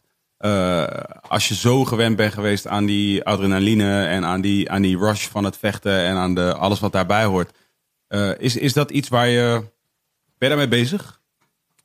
Sorry, ik was heel af. Maar niet uit. Ben je bezig met, eh, met, met, met het eventuele gat wat er valt als je, er, als je, als je goed en wel echt besluit, oké, dit, dit is het? Ja, tuurlijk. Je moet iets heel anders gaan doen. Alleen je moet, zoals ik het zeg, je moet echt iets gaan doen. Je moet niet blijven zitten op je reet, want ja, Ja. dan gaat het niet op je afkomen. Er zijn genoeg dingen die je kan doen. In principe kun je alles doen wat je maar wil. Alleen eh, je moet er echt mee aan de gang. Alleen voor mij, ik weet nog niet precies wat ik wil doen, wat ik echt leuk vind om iedere dag te doen. Weet je, alleen, ja, wat ik zeg, nu zijn die financiële aanbiedingen dan weer een stuk aantrekkelijker. Dat ik dan toch wel ga denken van ja, als ik dit een paar jaar doe en dan het geld een beetje handig investeren, ja, dan hoef ik me daar nooit meer druk om te maken. Weet je, dan kan ik gewoon doen wat ik wil. Ja, ja, precies. Dus ja. Nee, Hoe serieus voor- overweeg je dat? ja, heel serieus natuurlijk. Dat, Ja. eh, eh, ik zeg, eh, uiteindelijk vecht je op het laatst gewoon heel veel meer voor geld. Vechters worden ouder. Op het einde van je carrière ga je het meest verdienen. Alleen je moet wel op het juiste moment eruit stappen. Ja. Snap je? Alleen ik weet gewoon van mezelf dat ik nog heel veel te bieden heb als ik nog zou vechten. En dat ik gewoon met de mensen in de UFC mee kan komen. De, de top Maar denk je, 10, denk je er niet bij 15. jezelf... Oké, ik kan naar de UFC. We hebben net even het geweld gezien. Mm. Daar zit money. Maar een Bellator zou ook waarschijnlijk Ja, met geld of komen. One, of- of One, Mm. of weet ik veel wat. En dan denk je bij jezelf, ja, daar is het geweld een stukje minder. Daar kan je misschien Ja, nog... hoewel soort- tot nu toe, voor nu, voor de UFC-vechters die daarheen zijn gegaan, is dat is nog niet. heel goed gegaan, Nee. klopt. En, en de one- in One helemaal niet. Nee, dat bedoel ik. Ja, eh, Oh ja, allebei niet. nou ja, maar, ja ik, weet je wel. d- Is dat iets wat je dan ook overweegt? Zo Mhm. Ja, van, money talks, zoals ze zeggen. En eh, het, het maakt mij in principe, ik ben al heel lang bij de UFC. Ik weet wat ik aan de UFC heb. Ik vind Ja. nog fijn. Ehm, ik, ehm, ik weet wat ik aan de mensen heb die, daar- die daar werken. Ik weet hoe ze met me om zullen gaan. Alleen ehm, als er een organisatie komt die betrouwbaar is, die substantieel meer biedt. Ja, hey, ga niet van mijn eigen st- stelen, weet je. Dat, Nee. Zo simpel is het gewoon. Alleen het nadeel met andere organisaties is, wat ik vind, wat UFC heel goed doet, die druk testen. Ja, ja, Weet je, ja. Ze kunnen me nu bellen van, hé, hey, waar ben jij? Want we gaan je even testen. Ja. Dat is gewoon top. En Bellator heeft dat niet. Die Daar zit je nog in, hè, die pool. Ja, ja, ja. Die, die, Ja, moet- komen dus hier ook, ja, zeg maar. Eh, nou, meestal komen ze 's morgens. Ze willen vaak de eerste plas hebben. Ja. Omdat dan daar het meeste in te vinden is. En ehm, is fucked up, hè? ze komen, ze kunnen, ah, ik heb eh, die app dus op mijn telefoon staan. Dan moet ik al inzetten waar ik ben. Zoals vandaag niet hoor, weet je. Ja. Dat boeit niet. Maar als ik dan een weekendje ergens heen ga, moet ik zeggen... Hey, dat weekend ben ik daar. Eh, ik ben volgende week in Amerika. Ik ben dan daar, dan daar. Ik heb een reisdag. Ik heb dit, ik heb dat. Ik vind het gewoon heel goed dat ze zo testen. Want je slaat niet een bal verder het stadion uit. Weet je. We hebben net gezien wat, eh, wat, er kan gebeuren. En als je eh, jezelf dus even een voordeeltje geeft... door een spuitje of een pilletje of ik veel wat... eh, dan kan je dus iemand echt serieus iets aandoen. En ehm, bij Bellator wordt nog niet zo getest. Bij ONE FC wordt nog niet zo getest. Ja. Weet je, dus dan testen ze volgens mij alleen op de avond van. Ehm, nou heb ik er ook niet heel veel verstand van. Maar als je alleen test op de avond van... en je stopt een paar weken van tevoren Ja. met, Ja, ja, je, dan met ben je je gewoon cycle... dan ben je helemaal schoon. En heb je wel het lichaam wat Ja. geproduceerd is door die stofjes. Dus dat, ehm, dat is ook wel iets waar je rekening mee houdt. En eh, ik heb al mensen Bellator en zo binnen zien komen... waarvan ik nu zeg van... hé, hey, jij bent wel ietsje veranderd, vriend. jij, jij hebt toch wel even een sixpackje erbij. Lovato. Dat, eh, nou, dat, ja, dat, dat is moeilijk te zeggen. Want die mannen hebben er altijd wel goed uitgezien. Alleen ja, wat ik zeg, wie en hoe en wat. Dat, eh, ik, ga niet, ik ga niet wijzen naar mensen. Maar ik heb wel genoeg mensen gezien waarvan ik denk van... hé, hey, dit klopt niet, vriend. Ja. Ja, en dat is. En dat, dat- het is ook iets wat gewoon. ehm, het- mensen zeggen altijd: ja, waarom wordt er niet op alles getest? Zoals de, met, eh, eh, eh, met EPO. Mhm. EPO, waar dus niet op werd getest, waar eh Dillashaw dus wel op was, was gepakt. Mm. Het, het kost dus heel veel geld Ja. om op alles te testen. En als je 600 atleten En als je hebt, 600 atleten hebt en die 's ochtends en soms de dag daarna weer gecontroleerd worden, ehm, heb je het dan, over miljoenen. dan heb je het over miljoenen. Ja, gek. dat je eruit moet, uit moet gaan geven aan alles. En dat, toen ik werd getest, ehm, ik werd dan ook 's ochtends, moest ik plassen in een potje. Voor, voor, voor rugby. Jazeker. Werd je op de, zat je op zo'nzelfde soort... eh ja, zelfde hetzelfde soort als wat hij heeft. Oh, ja, really? zeker. En dan werd je gewoon 's ochtends getest of na de wedstrijd. Mhm. Ik denk dat ik, ik ben vier keer thuis getest. En eh, twee keer na een wedstrijd. En dan vroeg ik ook van ja, aan het einde, ja, wat checken jullie dan op? Ja, dat weten wij niet. En dan ging ik, ging Ja, ik gaat alleen naar de vragen. lab toe. En dan, ja, maar wat ze, wat ze dan zeiden tegen mij is, ja, we checken random. Dus ik zei, hoe bedoel je? Je checkt toch op alles? Nee, nee, we pakken er een paar stoffen tussenuit Mhm. En daar checken we op. Ja, ja. Dus, Dus op het moment daar dat gaat je- misschien gewoon iets heen. Nee, dus ik had vrienden die bloden best wel wat. Ja. Want dat maakt je lichaam rustiger, je herstelt beter. En dan, die kwamen er wel eens doorheen, omdat het gewoon eh, niet werd getest. Ja. Dus dan werd, het, dan werd er die keer bijvoorbeeld op steroïden... Ja, en ja, weet want dat, werd nu over EPO ook gezegd, toch? Ja. Dus dat in, nu in de Dillashaw geval eh, eh, eh, kwam, het er dan, kwam het dan tevoorschijn, maar het is dus al vaker. Het, het is maar net waar ze, waar ze voor, Precies. voor check is of ze het vinden. Omdat ja. ze niet op 100% alles kunnen testen. En er zijn natuurlijk ook nog een hoop dingen waarvan we niet weten dat het er is. Ja, ja, ja. ontwikkelen telkens met nieuwe dingen. Ja. En wij hebben ook wel mensen bij ons eh, die ons helpen met onze voeding en zo. En die eh, ook wel wat meer verstand hebben van ehm, de illegale dingen. Die ook zeggen van ja, je kan bepaalde st- stoffen toevoegen aan hetgene wat je gebruikt, waardoor het niet meer herkenbaar is. Eh, ze ontwikkelen telkens meer dingen die dan wel prijzig zijn. Maar als je genoeg verdient, Ja. ja, dan is dat aantrekkelijk om te gebruiken. Want ze kunnen het nog niet vinden. ja. Dus ehm, ja, je, het is heel lastig het is ook om toch iemand te pakken ook. Het is een ingewikkelde. Op een gegeven moment wordt het een, echt een enorme metadiscussie. Omdat je gaat nadenken over. Ja, oké, maar wacht. Wat, wat is het verschil op een gegeven moment nog tussen zeg maar. Wetenschappers hebben werken aan jou op je voeding en op, op alles wat je wel mag hebben. eh, en, en, en deze dingen die je dan niet mag hebben. En, en bijvoorbeeld. eh, eh, wat ik dan laatst hoorde van net als in Azië, daar, daar zijn ze dan gewoon echt bezig met zorgen dat ze baby's al, al op een gegeven moment ontdekken dat die bepaalde inderdaad bepa- beschikken over bepaalde DNA. ja. ja eh, om, om die dus in een soort Olympische pool al te gooien vanaf dat ze gewoon fucking baby's zijn. Ja, zodat ze gewoon opgroeien. Ja. Ja. maar ik bedoel, in theorie, ja, dan zou je ook al kunnen zeggen, oké, dat is ook wel somewhat cheating, Ja. weet je. Maar ja, aan de andere kant, ja, dat is wel helemaal natuurlijk, if you will, snap je? En dus het is op een gegeven moment wordt die discussie denk ik ook steeds grijzer. eh, naarmate die langer duurt, omdat je je kunt afvragen, ja, maar wat is dan nog wel? Want als jij de middelen hebt, bijvoorbeeld als jij het geld hebt om door een, door een heel apparaat te gaan waarbij je precies weet wat je moet hebben qua voeding, qua training, qua dingen. En iemand anders die dat geld niet heeft, dat is ook niet eerlijk. Nee. Nee, dat is zeker waar. Alleen als je dan allemaal op het hoogste niveau traint, vecht. En je hebt wel al die dingen, dus je weet hoe je op je voeding moet letten. Je weet hoe je het moet doen. Weet je, die dingen die heb je. Ik heb ook met jongens getraind die dan de ene week eh, niet heel bijzonder waren. En de week daarna gewoon mij niet aan te pakken waren. Dus ik weet wel wat het verschil is. Snap je? Ik, ik weet van, hé, hey, hey, klopt iets niet vriend. Ja. Dat, eh, Nee, maar je ziet ook dat een hoop spullen die dan ehm, illegaal waren, zijn nu ook weer ineens legaal. Ik bedoel, kijk naar, Ne- kijk naar Nate Diaz en zijn broer, die zijn geschorst voor, ehm, ja, dat is wel iets heel anders. voor Jonko, maar ook voor eh, de, de, de, de druppels. CBD. C- sorry, Ja. CBD, ik kwam er niet op. Ik gebruik zelf ook CBD. Zijn ze, zijn ze gepakt Zij voor zijn CBD? gepakt voor CBD. Nou, uiteindelijk... ehm, ehm, bij Nick ging het wel gewoon echt om THC. Bij Nate hebben ze volgens mij... eh, op een gegeven moment zat hij bij een persconferentie... zat hij met zo'n... eh, Oh ja. Zo'n of zo. zat hij. CBD er ook. En toen was het nog niet heel erg bekend. Toen zei hij van ja... This will make your, uh, your world a better place. Het, het, het helpt je met herstel en zo. En nu is het gewoon wijd geaccepteerd. Je kan bij de kruidvat halen. Ja. Eh, iedereen... Ja. ja, oh ja, dat kan wel. Weet je. Ja. Maar eerst was het taboe natuurlijk. Oh nee, is drugs. Ja. Echt, wat doe je? Kon echt oh, niet. dat is schande. Weet je. En nu is het ineens oké.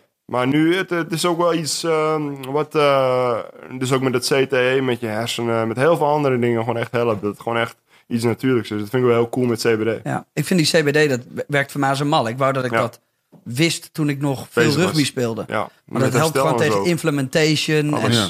ik slaap veel lekkerder. En ja, weet je het heeft gewoon... Het heeft voor mij alleen maar positieve werkingen. En ik vind... Ik, ja, als ik dat had geweten toen, maar toen ik nog speelde...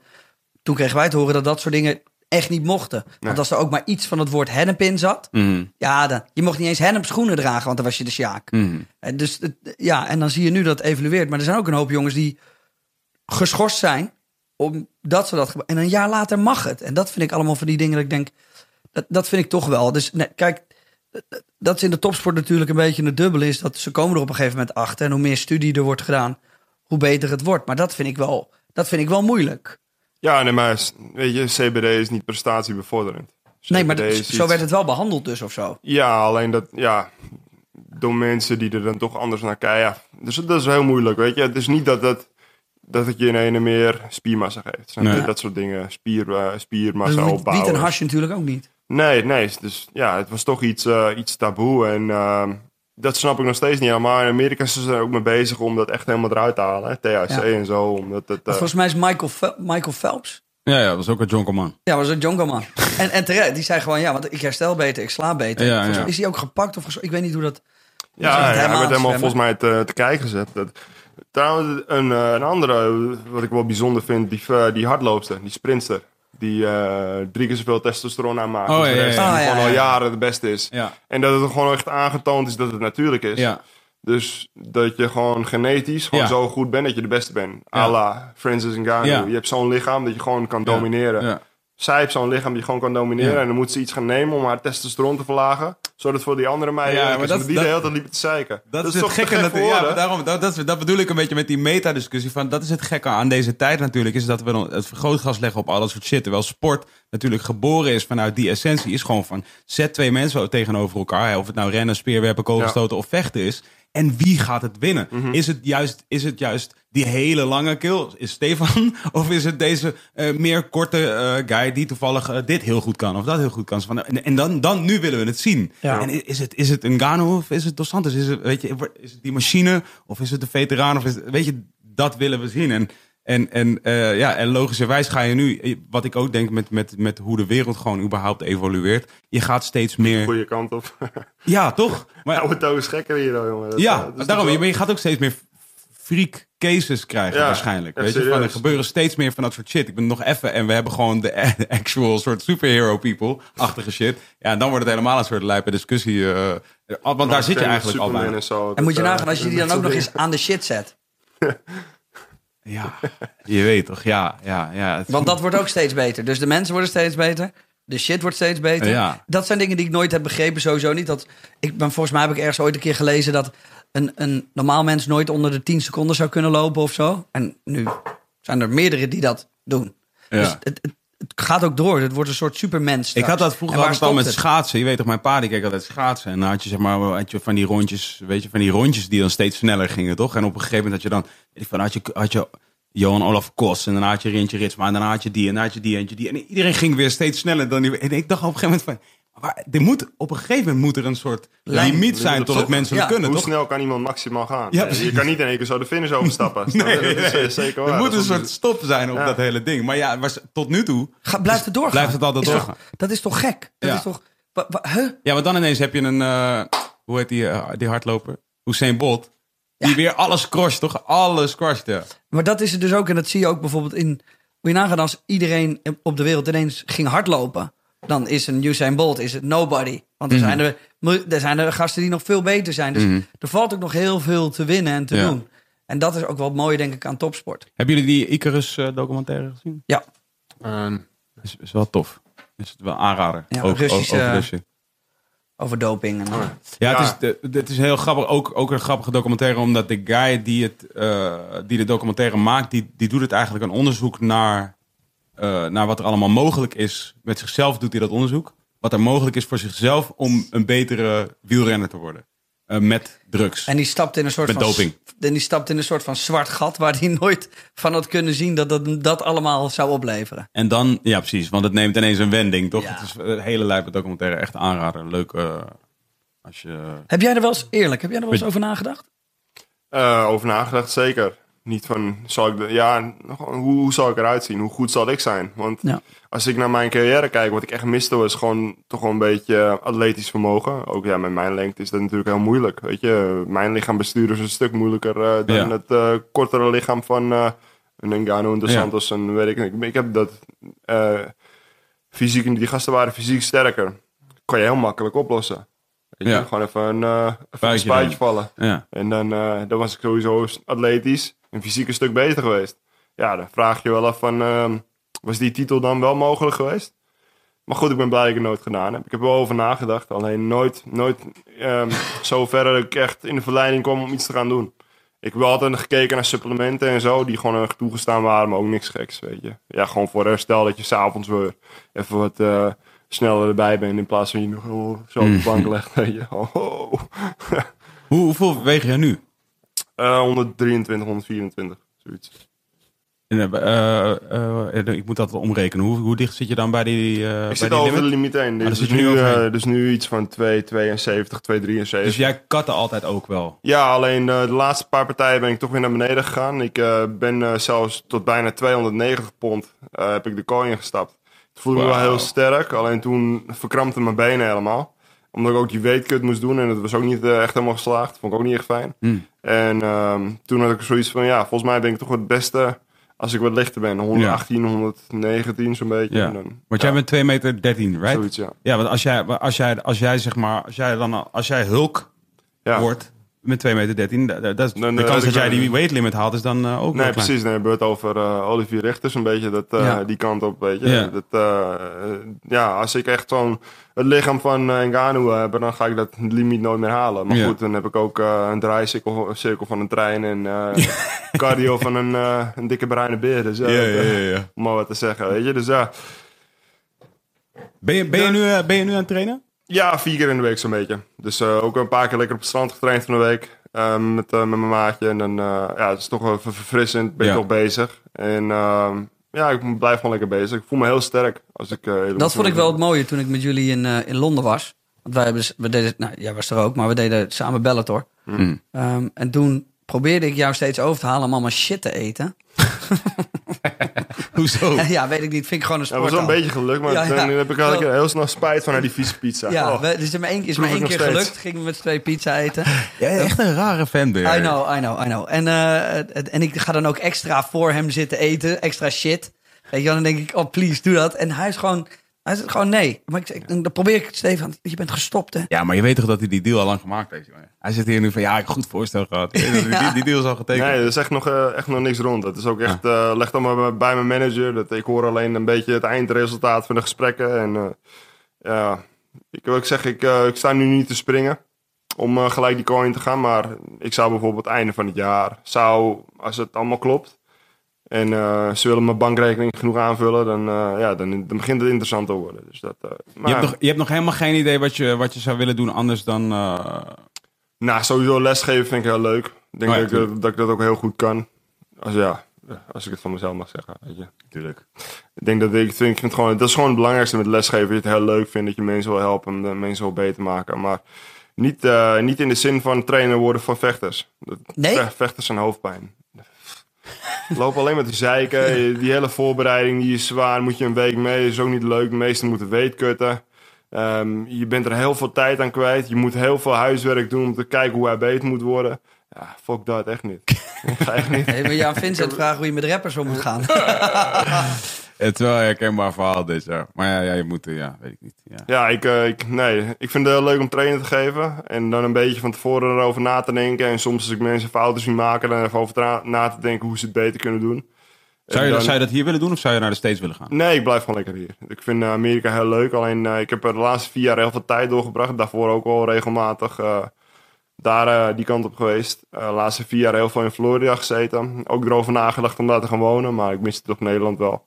En eh, ja, in principe heb je ook wel de mogelijkheid om altijd heen en weer te gaan wanneer je maar wil. Ja. En dan vind ik dit, dit een lekkerdere thuisbasis dan, dan daar. Plus je zou hier heel veel kunnen doen voor de sport in dit land. Ja, nee, maar dat, dat doe ik al een beetje. ja, natuurlijk, dat doe je ook. Maar ik bedoel ja. ook als trainer bedoel ik. Ja, ik, maar voor mij, weet je, ehm, ik, probeer altijd zo positief mogelijk voor de sport te zijn, maar ik ben gewoon mezelf, weet je, gewoon simpel.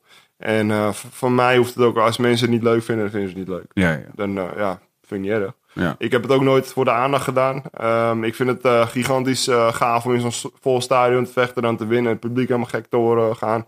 Ik hoef ook geen honderdduizend of 200.000 mensen op Instagram eh, of weet ik veel wat te hebben, weet je. Daar, daar is het mij niet om te doen. Ik vind, Vind je het, moeilijk hè? ik vind, nee, ik vind de sport gewoon leuk. Ja. Ik, ik hoef die aandacht allemaal niet. Ik, eh, ik hoef hier niet op straat te lopen dat mensen me herkennen. Ik vind het echt heel lekker rustig hier. Hoor. In Amerika is het wel meer gekhuis. Ja. Dat, eh, met sommige dingen is het wel weer leuk. Dan ben je in Las Vegas.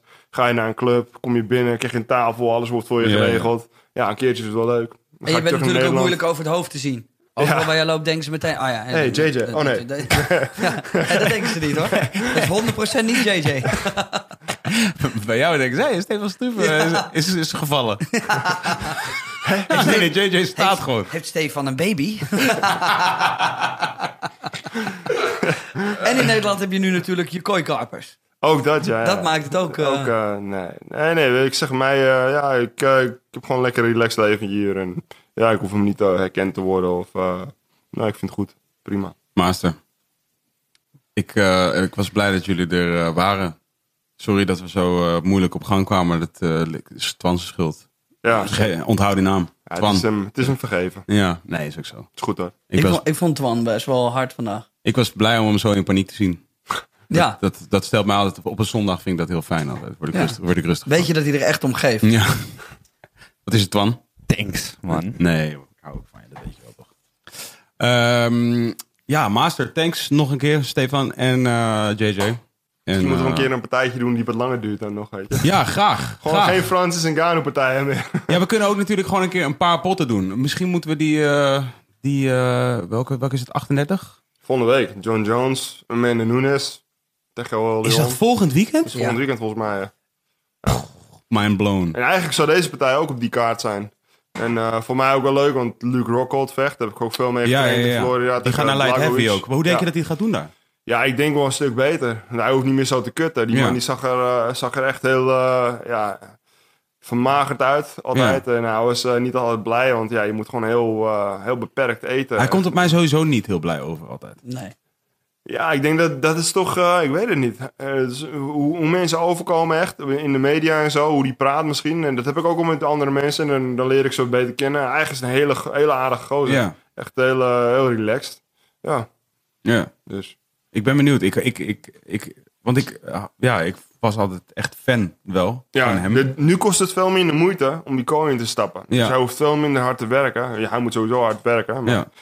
Hij hoeft alleen maar te trainen. Ja. Hij hoeft niet meer eh, op te, erop te letten hoeveel blaadjes sla die eet. Omdat Nee. hij dan anders het gewicht niet meer Ja. haalt, weet je. En nu, eh, ja, dat is voor hem wel heel fijn. Dat, hij is echt, ehm, ik heb vaak met hem gespart. Hij is sowieso op de grond ook echt enorm goed. Eh, hij heeft jarenlang ook met DC en met uh, Ja. Velasquez getraind. En daardoor is zijn worstel ook heel goed. Ehm staan is die man ook echt enorm goed. Ik zag hem Hij- laatst, in zo'n filmpje zag ik hem een paar van die question mark kicks gooien. Ik weet niet wat Ja, ze... die trappen van hem, die zijn zo hard. Ik ben zelden zo hard door iemand getrapt als Ja, door hè? hem. Dat is gewoon echt bizar. Ja. Maar hij trapt ook zijn eigen been gewoon echt helemaal in, in de pijn. Oh ja, Gewoon trapt zo hard dat hij zichzelf baseert. lijp. Lijp. Ik zit daar nooit te denken van, kan je niet gewoon doen alsof je je benen gebroken, zodat je er een stalen plaat in kunt zetten, zodat het gewoon allemaal gefixt is. Dat is dan wat ik zit. Dat heb ik gedaan met mijn kaak. Titanium kaki gewoon. Zo. Ja, echt? Ja, dat, eh, maar dat is niet expres gegaan. Hè? maar ik heb hem wel. Ja, ja. Hey, maar jongens, even over eh Nunez. Gaat, ehm, nou ja, niet over haar, maar gaat, nog- gaat Cyborg nog terugkomen, denk je? Ja, Of is het end of an era? Ja, ik denk dat het wel een beetje het einde is. Ik zie haar niet winnen van Nunes. Ik vind Nunes echt beter. En eh, ondanks dat Cyborg niet slim vocht, want ze hebben al slimmer gevochten, ook meer met een jab en zo, meer afwachtend. Ze klapte er nu echt in met haar kin omhoog. Ja, moet je bij Nunes gewoon niet doen. Ik vind Nunes echt heel goed. ja. Echt, eh, Beter dan Shevchenko? anders. nee. Denk het niet. Ik eh, moet die partij ook even terugkijken. Want ik vind ook eigenlijk, ik, ik weet nog, zo'n tijd terug, die partijen die waren niet helemaal goed gescoord naar mijn mening. Ik vind die Shevchenko echt, echt enorm goed eh, na haar partij tegen Holly Holm. Hoe, ze, hoe zij countert en hoe snel zij is. En ze kan ook op de grond vechten en zo. Dat, eh, Zij is echt een wapen gewoon.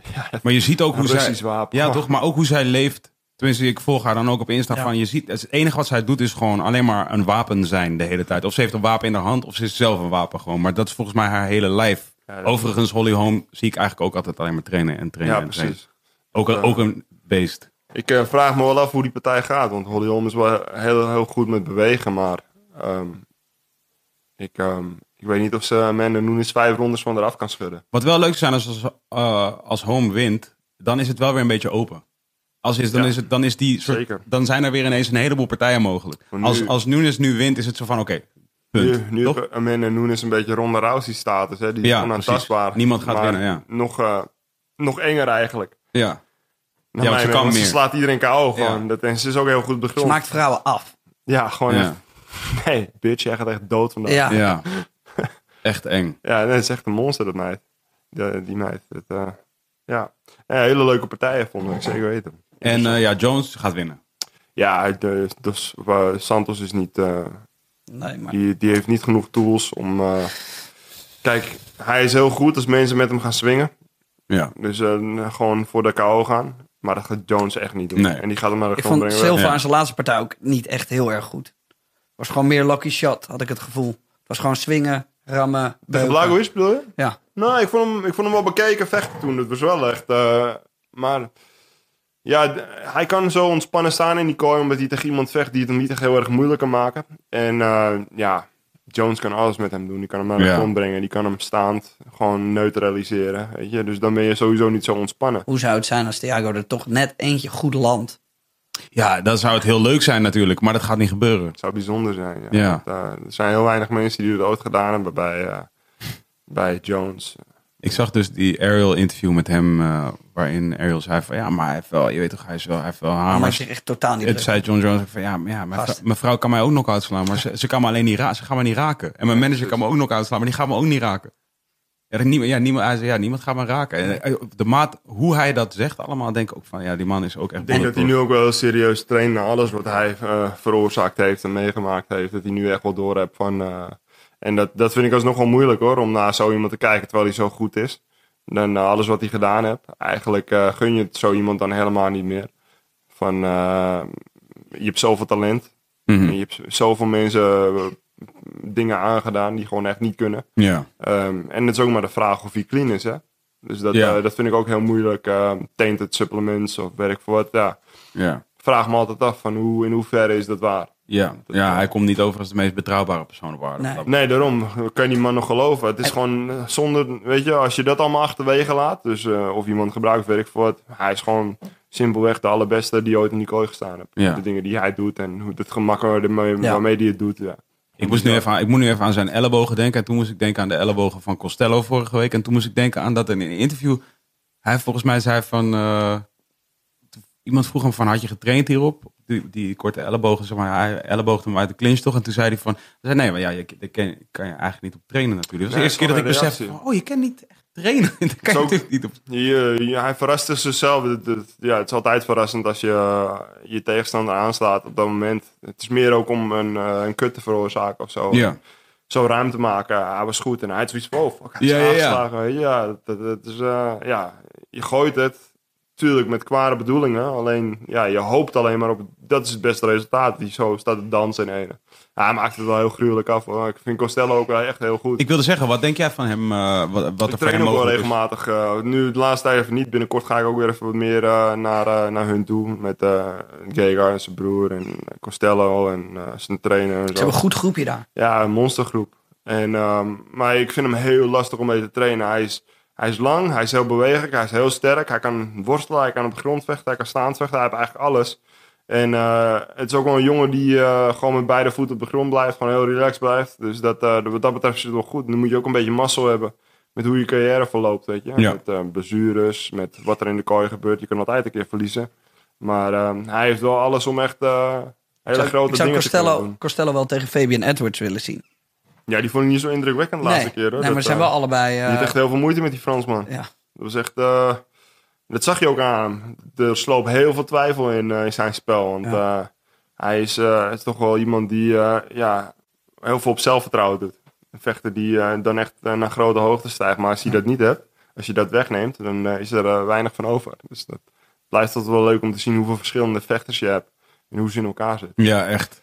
Hey, het is echt, als ik probeer uit te leggen aan mensen waarom het leuk is. Ik zei gewoon, ik was, ik- toen ik opgroeide, een groot G.I. Joe fan.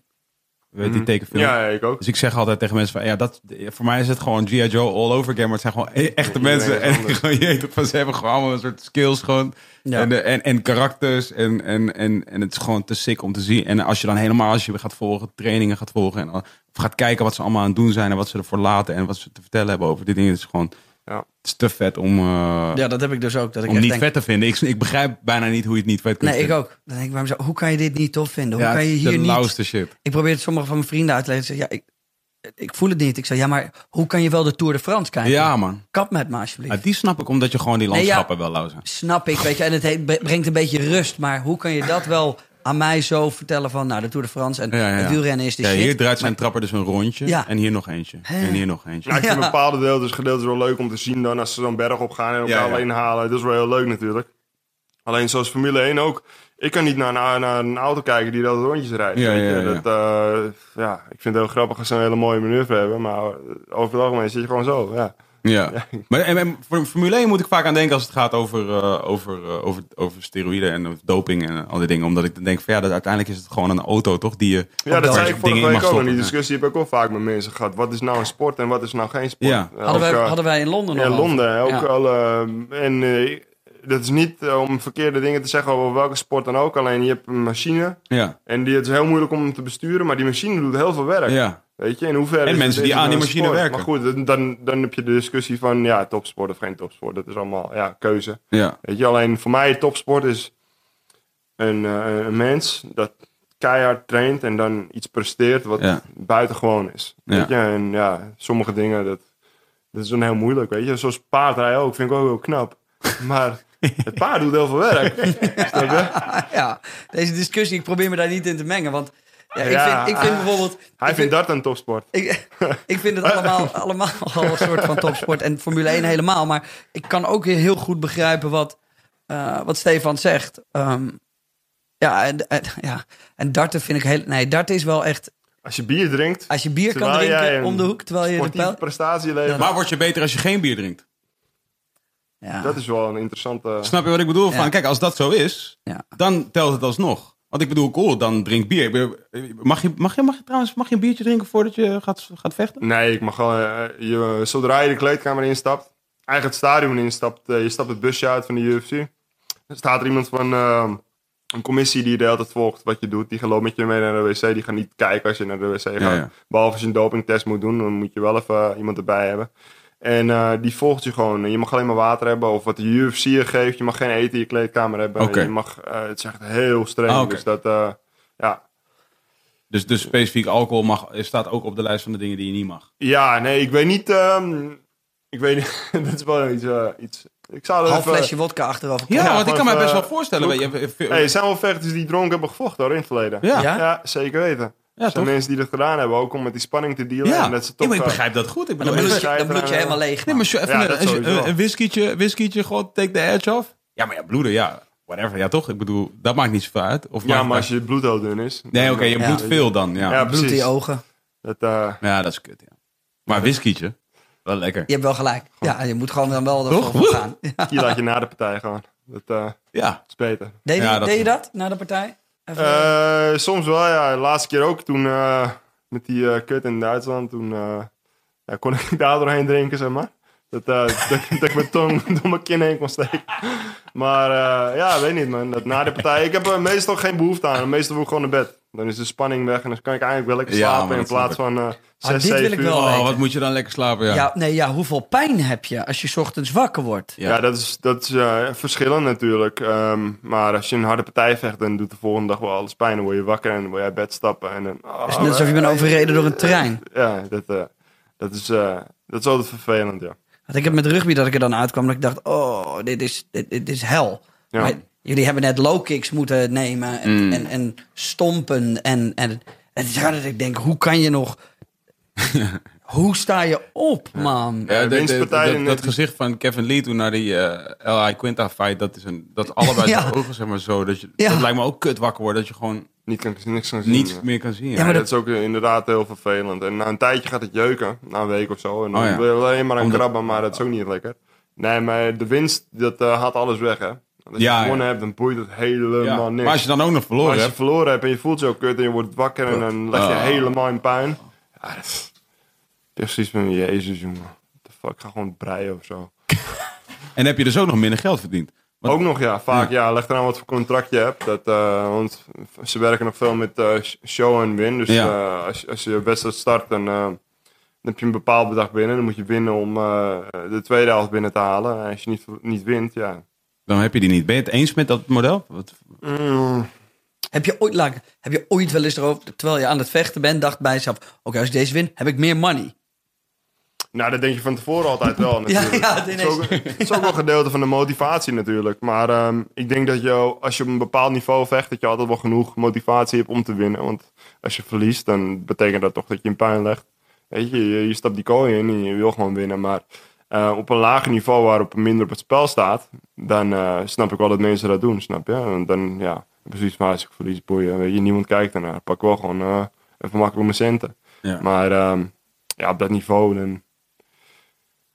Ik vind dat ze. Ik vind sowieso dat ze vechters meer, meer moeten betalen. Dat die gages omhoog moeten gaan. Omdat er gewoon heel veel geld binnenkomt. Weet je, UFC is niet voor niks voor 4,5 miljard verkocht. En als je dan ziet waar sommige vechters voor vinden. Of voor, voor, voor vechten. Weet je, ja. Toen ik binnenkwam bij de UFC was mijn eerste wedstrijd 3 en 3.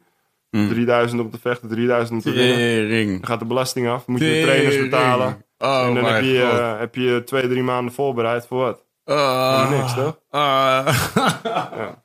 Hey, maar ik heb nog voor veel minder gevochten hoor. Ik, heb, Ja. eh, ik ben naar. ehm, eh, wat is het toen ik 19 was? Een partij in Siberië gevochten. 40 uur gereisd. Voor 200 euro. Tegen een of andere monsterlijke Rus. En ja, waar doe je het voor? Maar wel gewonnen. Wel leuke ervaring. Het, eh, In Siberië. Ja, dat zijn- het klinkt alsof je Ik- verbannen bent. Ja, of zo. ik, ik doe een hoop shit en dat, daar ben ik ook. Dat, dat, I pride myself in that. Dat ik best wel een bikkel ben en dat ik dat tof vind. maar je hebt nog nooit voor 200 Nee. euro in Siberië Maar als ze gekocht. tegen mij zeggen: hey, luister, kom naar Siberië, 40 uur reizen, je Ja, krijgt ja. 200 euro om te vechten. En als je geluk hebt, krijg je stomp op je hoofd. ja, ik had, ik had het leuk. I pass. Ik moest er wel flink voor knokken ook. Ja, ik had echt zo'n eh, zo'n eh, zo'n oog. Dus dit, eh, Gek. Wel een hoop ijs om je heen, dat scheelt. ja. Lekker dicht wat Goeie Chernobyl. Oké, de laatste. Holloway Ed- Edgar. Dat is, wordt Holloway wel toch? Ja, denk ik wel, ja. Edgar is natuurlijk ook niet de jongste meer. Die Holloway is een stuk langer. Ja. Dat is voor ehm, featherweight echt eh, de perfecte lichaamsbouw. Voor Ja. eh, lightweight is hij net even te klein. Ja, dat zo bleek dus, ja. Ja, dat, eh, dan is hij gewoon normaal, qua, maar niet qua vechten. Want qua vechten is hij nog wel heel goed. Ja. Maar dan, eh, dan heb je minder eh, voordelen van jouw fysieke voorsprong die je hebt op dat gewicht. Want hij is gewoon echt veel langer dan Edgar. Mhm. Ik zou Holloway tegen McGregor willen zien. Het zou een vette pot zijn, een Ja. vette rematch. Dat zou ook sens maken. Ik zag... Ik wil gewoon dat McGregor gaat vechten. Maar het kan me wel steeds minder schelen wel. hey, Ja, dat wel. als je nu zou moeten kiezen, ehm, dan bijvoorbeeld, ehm, wie zie je liever vechten, McGregor of Tony Ferguson? Ferguson. Ferguson. Ferguson, toch? In de grote partijen. Bijvoorbeeld Ferguson tegen Dustin Poirier. Of Conor tegen een van die. Dan zie ik liever Poirier tegen Ferguson. Ja. Ja, maar dat is echt als vechtliefhebber. Maar voor het algehele eh testosterongehalte en, en het algehele Nou, entertainment vind ik Connor toch Het, wel... het, het enige wat Connor nu kan doen, het enige wat, laat ik zeggen, wat nog voor ons leuk kan zijn, is als hij nu in één keer echt, echt een comeback maakt. En echt een reeks winpartijen aan elkaar Maar, weet maar te tegen wie gaat hij vechten? Tegen wie zou hij gaan vechten? Nou, ik dacht Ja, Cowboy. Die cowboy stond toch? Ja, maar dat zou die, kunnen, ja. Van Cowboy zou hij winnen, denk ik. Omdat hij te ook. snel is met zijn counters. Denk ik dat die Cowboy eruit haalt. Maar eh, tegen Poirier wordt een hele moeilijke pot. Ja, dat denk ik zou ook. hij wel KO kunnen slaan, maar Poirier is wel heel goed geworden. Ja. Ik zou hem wel heel graag tegen Ferguson willen zien. Ja. Echt, eh, die, die man, dat is echt gewoon een, een nu, wandelende eh, ge- want het wordt nu, geweldbom. eh, tegen wie gaat Gaethje vechten? Ook, ook zou ook heel leuk zijn. Ja, daarom, hoop ik hoop tegen Ferguson. Nee, Ferguson staat toch nu gepland? Ferguson staat toch nu tegen... Ik ben aan het ja, nadenken. Ja, ik, gevochten sorry, natuurlijk, maar Ferguson tegen Gaethje, dat is zit gewoon met, echt ik zit chaos. met, ik zit met Diaz Pettis in mijn... In mijn Oh ja, die komt eraan. Zo, Pettis die even Wonderboy KO sloeg. Dat was ook iets Ja. ja. maar ik, ik, ik kijk dus wel... Pettis is een uit. van de mensen naast jou die zijn nickname ook het meest verdient. Jij, jij Showtime. verdient je nick- Ja, Showtime. Toch van, eh, Ja. hij, hij, komt wel elke wat. keer weer met iets geks. Ja. Ja, hij kreeg echt een pak slaag tegen, tegen Wonderboy. En vanuit het niet echt eh, Ja. zo'n eh, Superman punch. Echt, Ja. Hoe Maar ook, dat... met ook die kleine bounce off the cage gewoon, toch? ja, gewoon echt goed getimed. Dat, Ja. ja. ik ben dus heel blij dat, Nick, of, dat Nate weer gaat vechten. Kun je eens kijken, Twan, wat de geplande lightweight fights zijn nu? Want die, volgens mij staat, eh staat Gaethje nu ook gepland. En Ferguson ook, volgens mij. Maar eh, ja, dat is gewoon allemaal leuk daar. In de, daar. Alles is leuk. Gaethje maar zegt ook, hè, ook alles enjoy leuk. the show as long as it's last. Ja, Nou, ja. Dit, dit kan ik geen jaren volhouden. Nee, Iedere partij dat ik erin stap is gewoon chaos. En, eh, Die man. Maar het, het is gewoon eng. Ja. Die heeft compleet nul respect voor zijn eigen lichaam. Ja. Ja, en die, dat is het eh, meest gevaarlijke. Want die gaan straks, als ze wat ouder zijn, ga je daar zo... maar je moet, zo moet je wel vechten. Ja, maar ik, dat had ik dus... Toen ik jonger was, dacht ik dat ook. Fearless, bam, weet je. Want dan liep ik tegen jongens aan die soms net zo groot waren als jou. En dacht ik, oh, dat is hartstikke stoer. En nu ben ik 33 en denk bij mezelf... Ik was eigenlijk wel een beetje een sufferd. Dat het, dat- ja, Maar als, zou je het willen, als jij dat nu kan veranderen, zou je dat doen? eh, als ik minder schade had opgelopen... ik Maar dan weet had je niet de carrière gehad die je nu gehad hebt. Nee, dat klopt. Maar, ja, maar mijn vader zei altijd tegen mij van... eh, ja, Jay, ik weet niet wat je aan het doen bent... maar je bent 1,68 en je loopt rond met twee wc-rollen onder je arm op het veld. Alsof je de grootste jongen van het veld bent. Je loopt overal tegenaan alsof het... Hij zegt, het haalt ook een hoop van je talent weg op andere dingen. Omdat je zo fysiek bezig bent... dat je tactisch niet altijd meer even sterk Maar dat bent. valt niet te bewijzen. Nee, en, Nee. en daar had ik scheid aan. Ja. ook. Ja. Maar Ja. dat, dat maakt jou weer zo goed, denk ik. Ja. Dat Ja, je je, kan- je je- scheid aan. Ja. Je kan niet met zoveel variabelen bezig zijn en dan nog Ja, goed zijn in wat je echt aan het doen bent. Nee, maar ik heb wel dat toen ik dus me, eh, twee weken mijn korte termijn geheugen kwijt was... toen dacht ik wel bij mezelf... hm, Ja, maar nu- eigenlijk nu zeg je, ik, ik had het graag beter willen doen. Snap je? Ja. Ik had graag gehad dat ik betere beslissingen had genomen. Dan had het misschien iets beter geweest. Maar je bent niet teleurgesteld met wat je gedaan hebt. nee, helemaal niet. Dat, eh, Maar toch? ik merk wel dat ik op het randje heb gezeten van, waar jij ook, eh, Aha. op het randje heb gezeten van mezelf fysiek uithollen. Mhm. Dus dat Ja, ik de rest dat- van mijn leven er nog echt heel veel last van zou hebben. Mm. Dat heb is ik de nu ook definitie wel, van maar topsport. Ja. volgens mij. Dat is echt gewoon van, hé, hey, ja. ja, maar je hebt topsport en je hebt topsport, denk ik. Snap je wat ik Mm. bedoel? Dus je kan als voetballer, kan je, je knieën zijn een beetje kapot. En eh, weet ik veel wat. En je hebt wat jij doet en wat op het rugbyveld ook gebeurd is. Ja. eh, je enkel, je hoofd. La- Kijk, laat ik het zo zeggen. Ik vind gewoon de last van je hoofd vind ik gewoon heel heftig. En dat heb ik. Dus ja, oké. Ik weet, het is in ieder geval dus inderdaad... Zij, hoor, ik heb echt een cookie gekregen, volgens mij. Even kijken hoor, wat hebben we hier? Felicia Spencer, dat is echt... eh, Ja. Oké, dit is volgens mij de meest verre weg, degene die het laatst is aangekondigd. Dat is deze. En dat- Ja, want ik weet, ik weet namelijk niet, eh, misschien sta- staat eh Gaethje ook wel helemaal niet gepland. Het is in ieder geval Ik heb- Pettis en Diaz en het is in ieder geval Khabib en Poirier. Ja. Je kan het al zien op, uh, hoe heet het toch? Op, Maar Khabib en Poirier wordt ook toch wel gewoon Khabib. Ja. Ja. Ik denk het Denk ook ik wel. wel. Poirier is wel heel erg vooruit gegaan. Hoor. Dat Ik durf echt, niks eh, meer te zeggen soms. Want dan denk ik, ja, Ja, oké, maar dit zijn wel van die dingen van ja, Ja, nee, het is heel onlogisch Ja. om tegen Khabib te wedden. ja, heel onlogisch. Ja. Maar ja, ik zei net ook Junior dos Santos.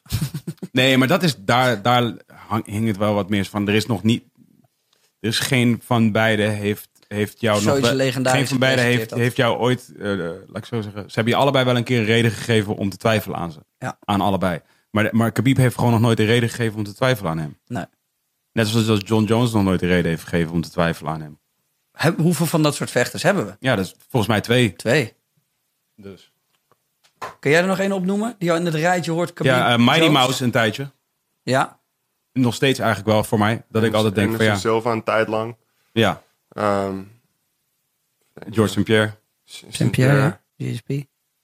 Ehm, Nu nog steeds zou ik denken dat hij niet snel zou verliezen van iemand. St. Pierre nu. Ik denk niet dat hij het fysiek meer Jose heeft Aldo? tegen, tegen Kamaru Ousmane en tegen Tyron Het Woodley. zou wel een lauwe partij zijn trouwens tegen Oesman. Tegen Ousmane. Ousmane is echt een monster. Ja. Dus je zag wat hij deed met Woodley. Ja. Hoe makkelijk hij hem eh, naar de grond bracht. Echt, eh, en eh, ook gewoon toen hij hem op de grond had. Om iemand zo te domineren en zo op de grond vast te zetten. Vooral dan Woodley. Ik heb Gewoon ook... vooral Woodley. Die man is zo'n enorme powerhouse. En hij, hij gewoon- zat ook in dat rijtje hoor. Denk Woodley. ik. Ja, Woodley Woodley. toen. Ik had, Net zoals Jose Aldo voor eh Connor. Ik had een heel slecht gevoel toen eh Kamaru tegen hem ging vechten. Eh King Kamaru dus, dus ik hoop altijd dat hij, dat hij wint. Ik had geen goed gevoel bij Woodley. En hoe hij hem eigenlijk declasseerde, was echt eh, Ja. wow. Ja. Ik wist wel dat je echt goed was. Maar nu heb je het gewoon nog extra Ik vond het ook een van de meer heftige partijen wat dat betreft om te zien in hoe, hoe iemand ineens fell from grace gewoon van waar hij was. Dat, dat, zeg maar, dat maakt niet uit wie het was, weet je. Van bij, Ja. Ik had daar echt het meest van, wow. Ik kan me niet herinneren, de laatste keer herinneren dat iemand zeg maar, zo eh, vernederd eigenlijk is. Kampioen ook gewoon. ja, precies. kampioen, Terwijl die ja. zo'n sikke streak ook- heeft. Had ik Ja. ook wel een beetje met Holloway. ja. Nee, Maar dat was toch een Niet divisie vernederd. Nee. Weet je? Nee, maar ik had wel verwacht dat hij gewoon heel makkelijk zou winnen. Van eh, Poirier? Ja. Nou, Nou, weet ik niet, man. Nee. Ehm, Holloway heeft natuurlijk de laatste tijd ook wel wat dingen gehad. Hè? Ook toen hij dat interview gaf, dat hij er echt uh, Ja, ja, uitzag. ja. Dat zij hem vroegen van, hé, hey, uh, Gaat het wel met je goed? aan de hand? Ja. Eh, toen had hij ook die hersenschudding en zo. ja. En eh, toen eh, zou hij tegen Khabib vechten. Toen kon hij het gewicht niet maken en zo. Ja. En eh, En Poirier is niet dat, die, dat beest, toch? Poirier is wel... Ja, nu wel, hoor. Of, eh, ik heb het over, ik zeg, ik bedoel Holloway. Holloway. Holloway, is niet dat Ja, beest. maar ik vond hem op wel... featherweight wel hoor. Op Ja, ja, maar- maar ik bedoel- fantastisch. hoe maar- maar dan nog- Ortega aanpakte. Jawel, maar hij slaat niet per se mensen knock-out de hele tijd of iets dergelijks. Nee, het is gewoon zijn repeated...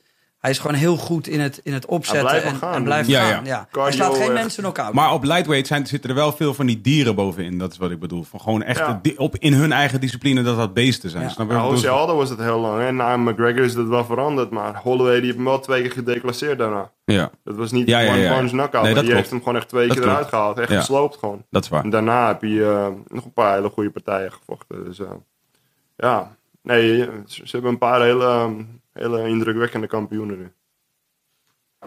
Wie is, wie is, wie is eh, dat vind ik altijd een leuke discussie. Wie is jouw goat? Ja, dat, dat is moeilijk te zeggen, omdat je ook over verschillende tijdspannen praat. Fedor was de hele tijd. Ja. Alleen die, die vocht op een eh, ander tijdstip dan, dan mensen nu. Ik zou heel graag John Jones willen zeggen, maar dat vind ik heel moeilijk. Ja, om, Om dat, de dingen om die redenen. Ja. En ehm Saint-Pierre sowieso. Die man Ja. zo dominant. En eh, die was misschien wat minder om naar te kijken voor mensen. Maar die heeft volgens mij toen een serie gehad van iets van 30 of 40 rondes. Waarin hij geen enkele ronde Had verloor. voor, ja. Dus iedere keer dat hij voor zijn, voor zijn titel vocht, was het 50, 45. Je hebt geen enkele ronde van hem gewonnen. Dat is echt gewoon beestachtig. Over trouwens, want, want eh, Khabib heeft natuurlijk ook zo'n soort gekke serie aan rondes Ja. niet verloren. Behalve dus Conor onlangs, die dus eh, op de scorecard zo'n ronde had gepakt van hem. En eh, waarvan dus onlangs een, eh, een, een, een, een, ehm, interview geweest met John Kavanaugh over, eh, over die pot. Waar, waar Conor dus, weet je, zagrijnig was geweest Mhm. tegen, zijn, tegen zijn coach. En de, eh, dat, dat ze hem hadden gezegd dat ze te veel hadden getraind op verdedigen en te weinig op eigenlijk dat wat hij, dat eh, wat, hij, zijn wat hem sterk maakt. Ja. Ja. ja, en dus nu zei, eh zei Kavanaugh ook van ja, als we dat nu zouden doen, zouden, Zou we, anders ook, doen. zouden we het anders inzetten. Ja. Waarvan ik wel dacht van ja, oké, dat is eigenlijk ook wel interessant om nog een keertje te zien. Dat is ook hype creëren hoor. Ja, Snap natuurlijk. je? Dat, dat, eh, vind, ik ook, je- vind ik ook een beetje je coach afvallen. Ik vind dat je dat, Ja, dat binnen, binnenshuis eh moet Ik bespreken. zou het heel vet vinden als Diaz nu wint, dat het dan een, de, de trilogy wordt. Connor tegen Diaz Connor. weer. Ik was bij eh, twee Vind jij niks, hè? Nee. Vind jij niks, hè? Vegas. Hoeft voor mij ook niet zo nodig. Nee. Wel, man. nee, want het ik is wel vond- spektakel, maar er zijn veel betere vechters nu op. Ja, Ja. Ze zouden het mogen doen, maar het hoeft Ik voor mij vind niet dan voor de dus- titel in ieder geval. Nee, dan, is dus een, gewoon een... dan is dus een Conor tegen Gaethje veel boeiender, vind ik dan. Omdat je dan heb je gewoon twee mensen waarvan je het, het heel lang heel unlikely was dat die bijvoorbeeld zouden clashen. En dus Cowboy en Conor had ik leuk gevonden bijvoorbeeld.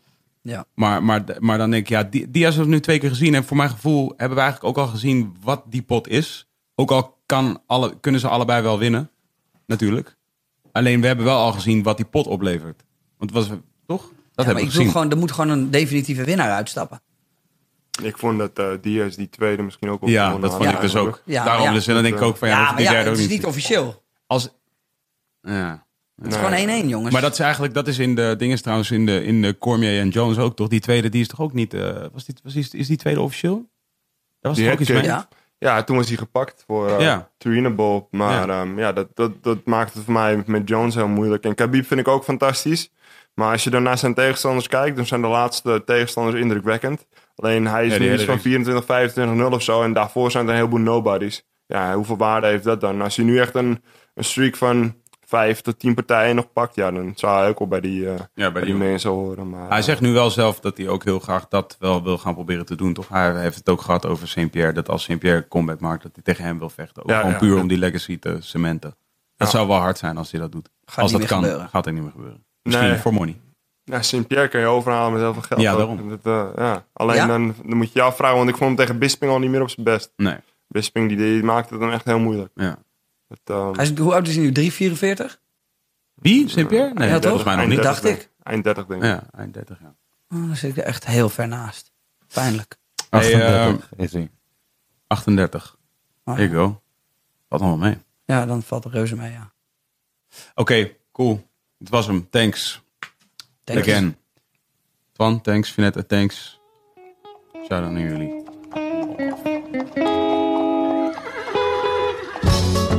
En zo is hij gegaan, dames en heren. Dank jullie wel voor het luisteren en kijken naar Wilde Haren, de podcast. Als je ons wil supporten, ga dan even naar youtube.com slash wildeharenpodcast, naar instagram.com slash wildeharenpodcast, naar twitter.com slash wildeharenpc of naar iTunes eh, app, de iTunes podcast app. Ga daar naar Wilde Haren de podcast. Abonneer, like, comment, rate, 5 sterren. Doe alles wat je kunt doen om ons te helpen. Ga vooral ook even naar petje.af wilde. Support ons daar. Eh, doneer als je kan om ons te supporten, zodat wij deze prachtige podcast kunnen voortzetten en uitbouwen en mooier kunnen maken. En nog leuker om naar te luisteren. En dan zien we jullie ergens van de week wanneer we weer terug zijn.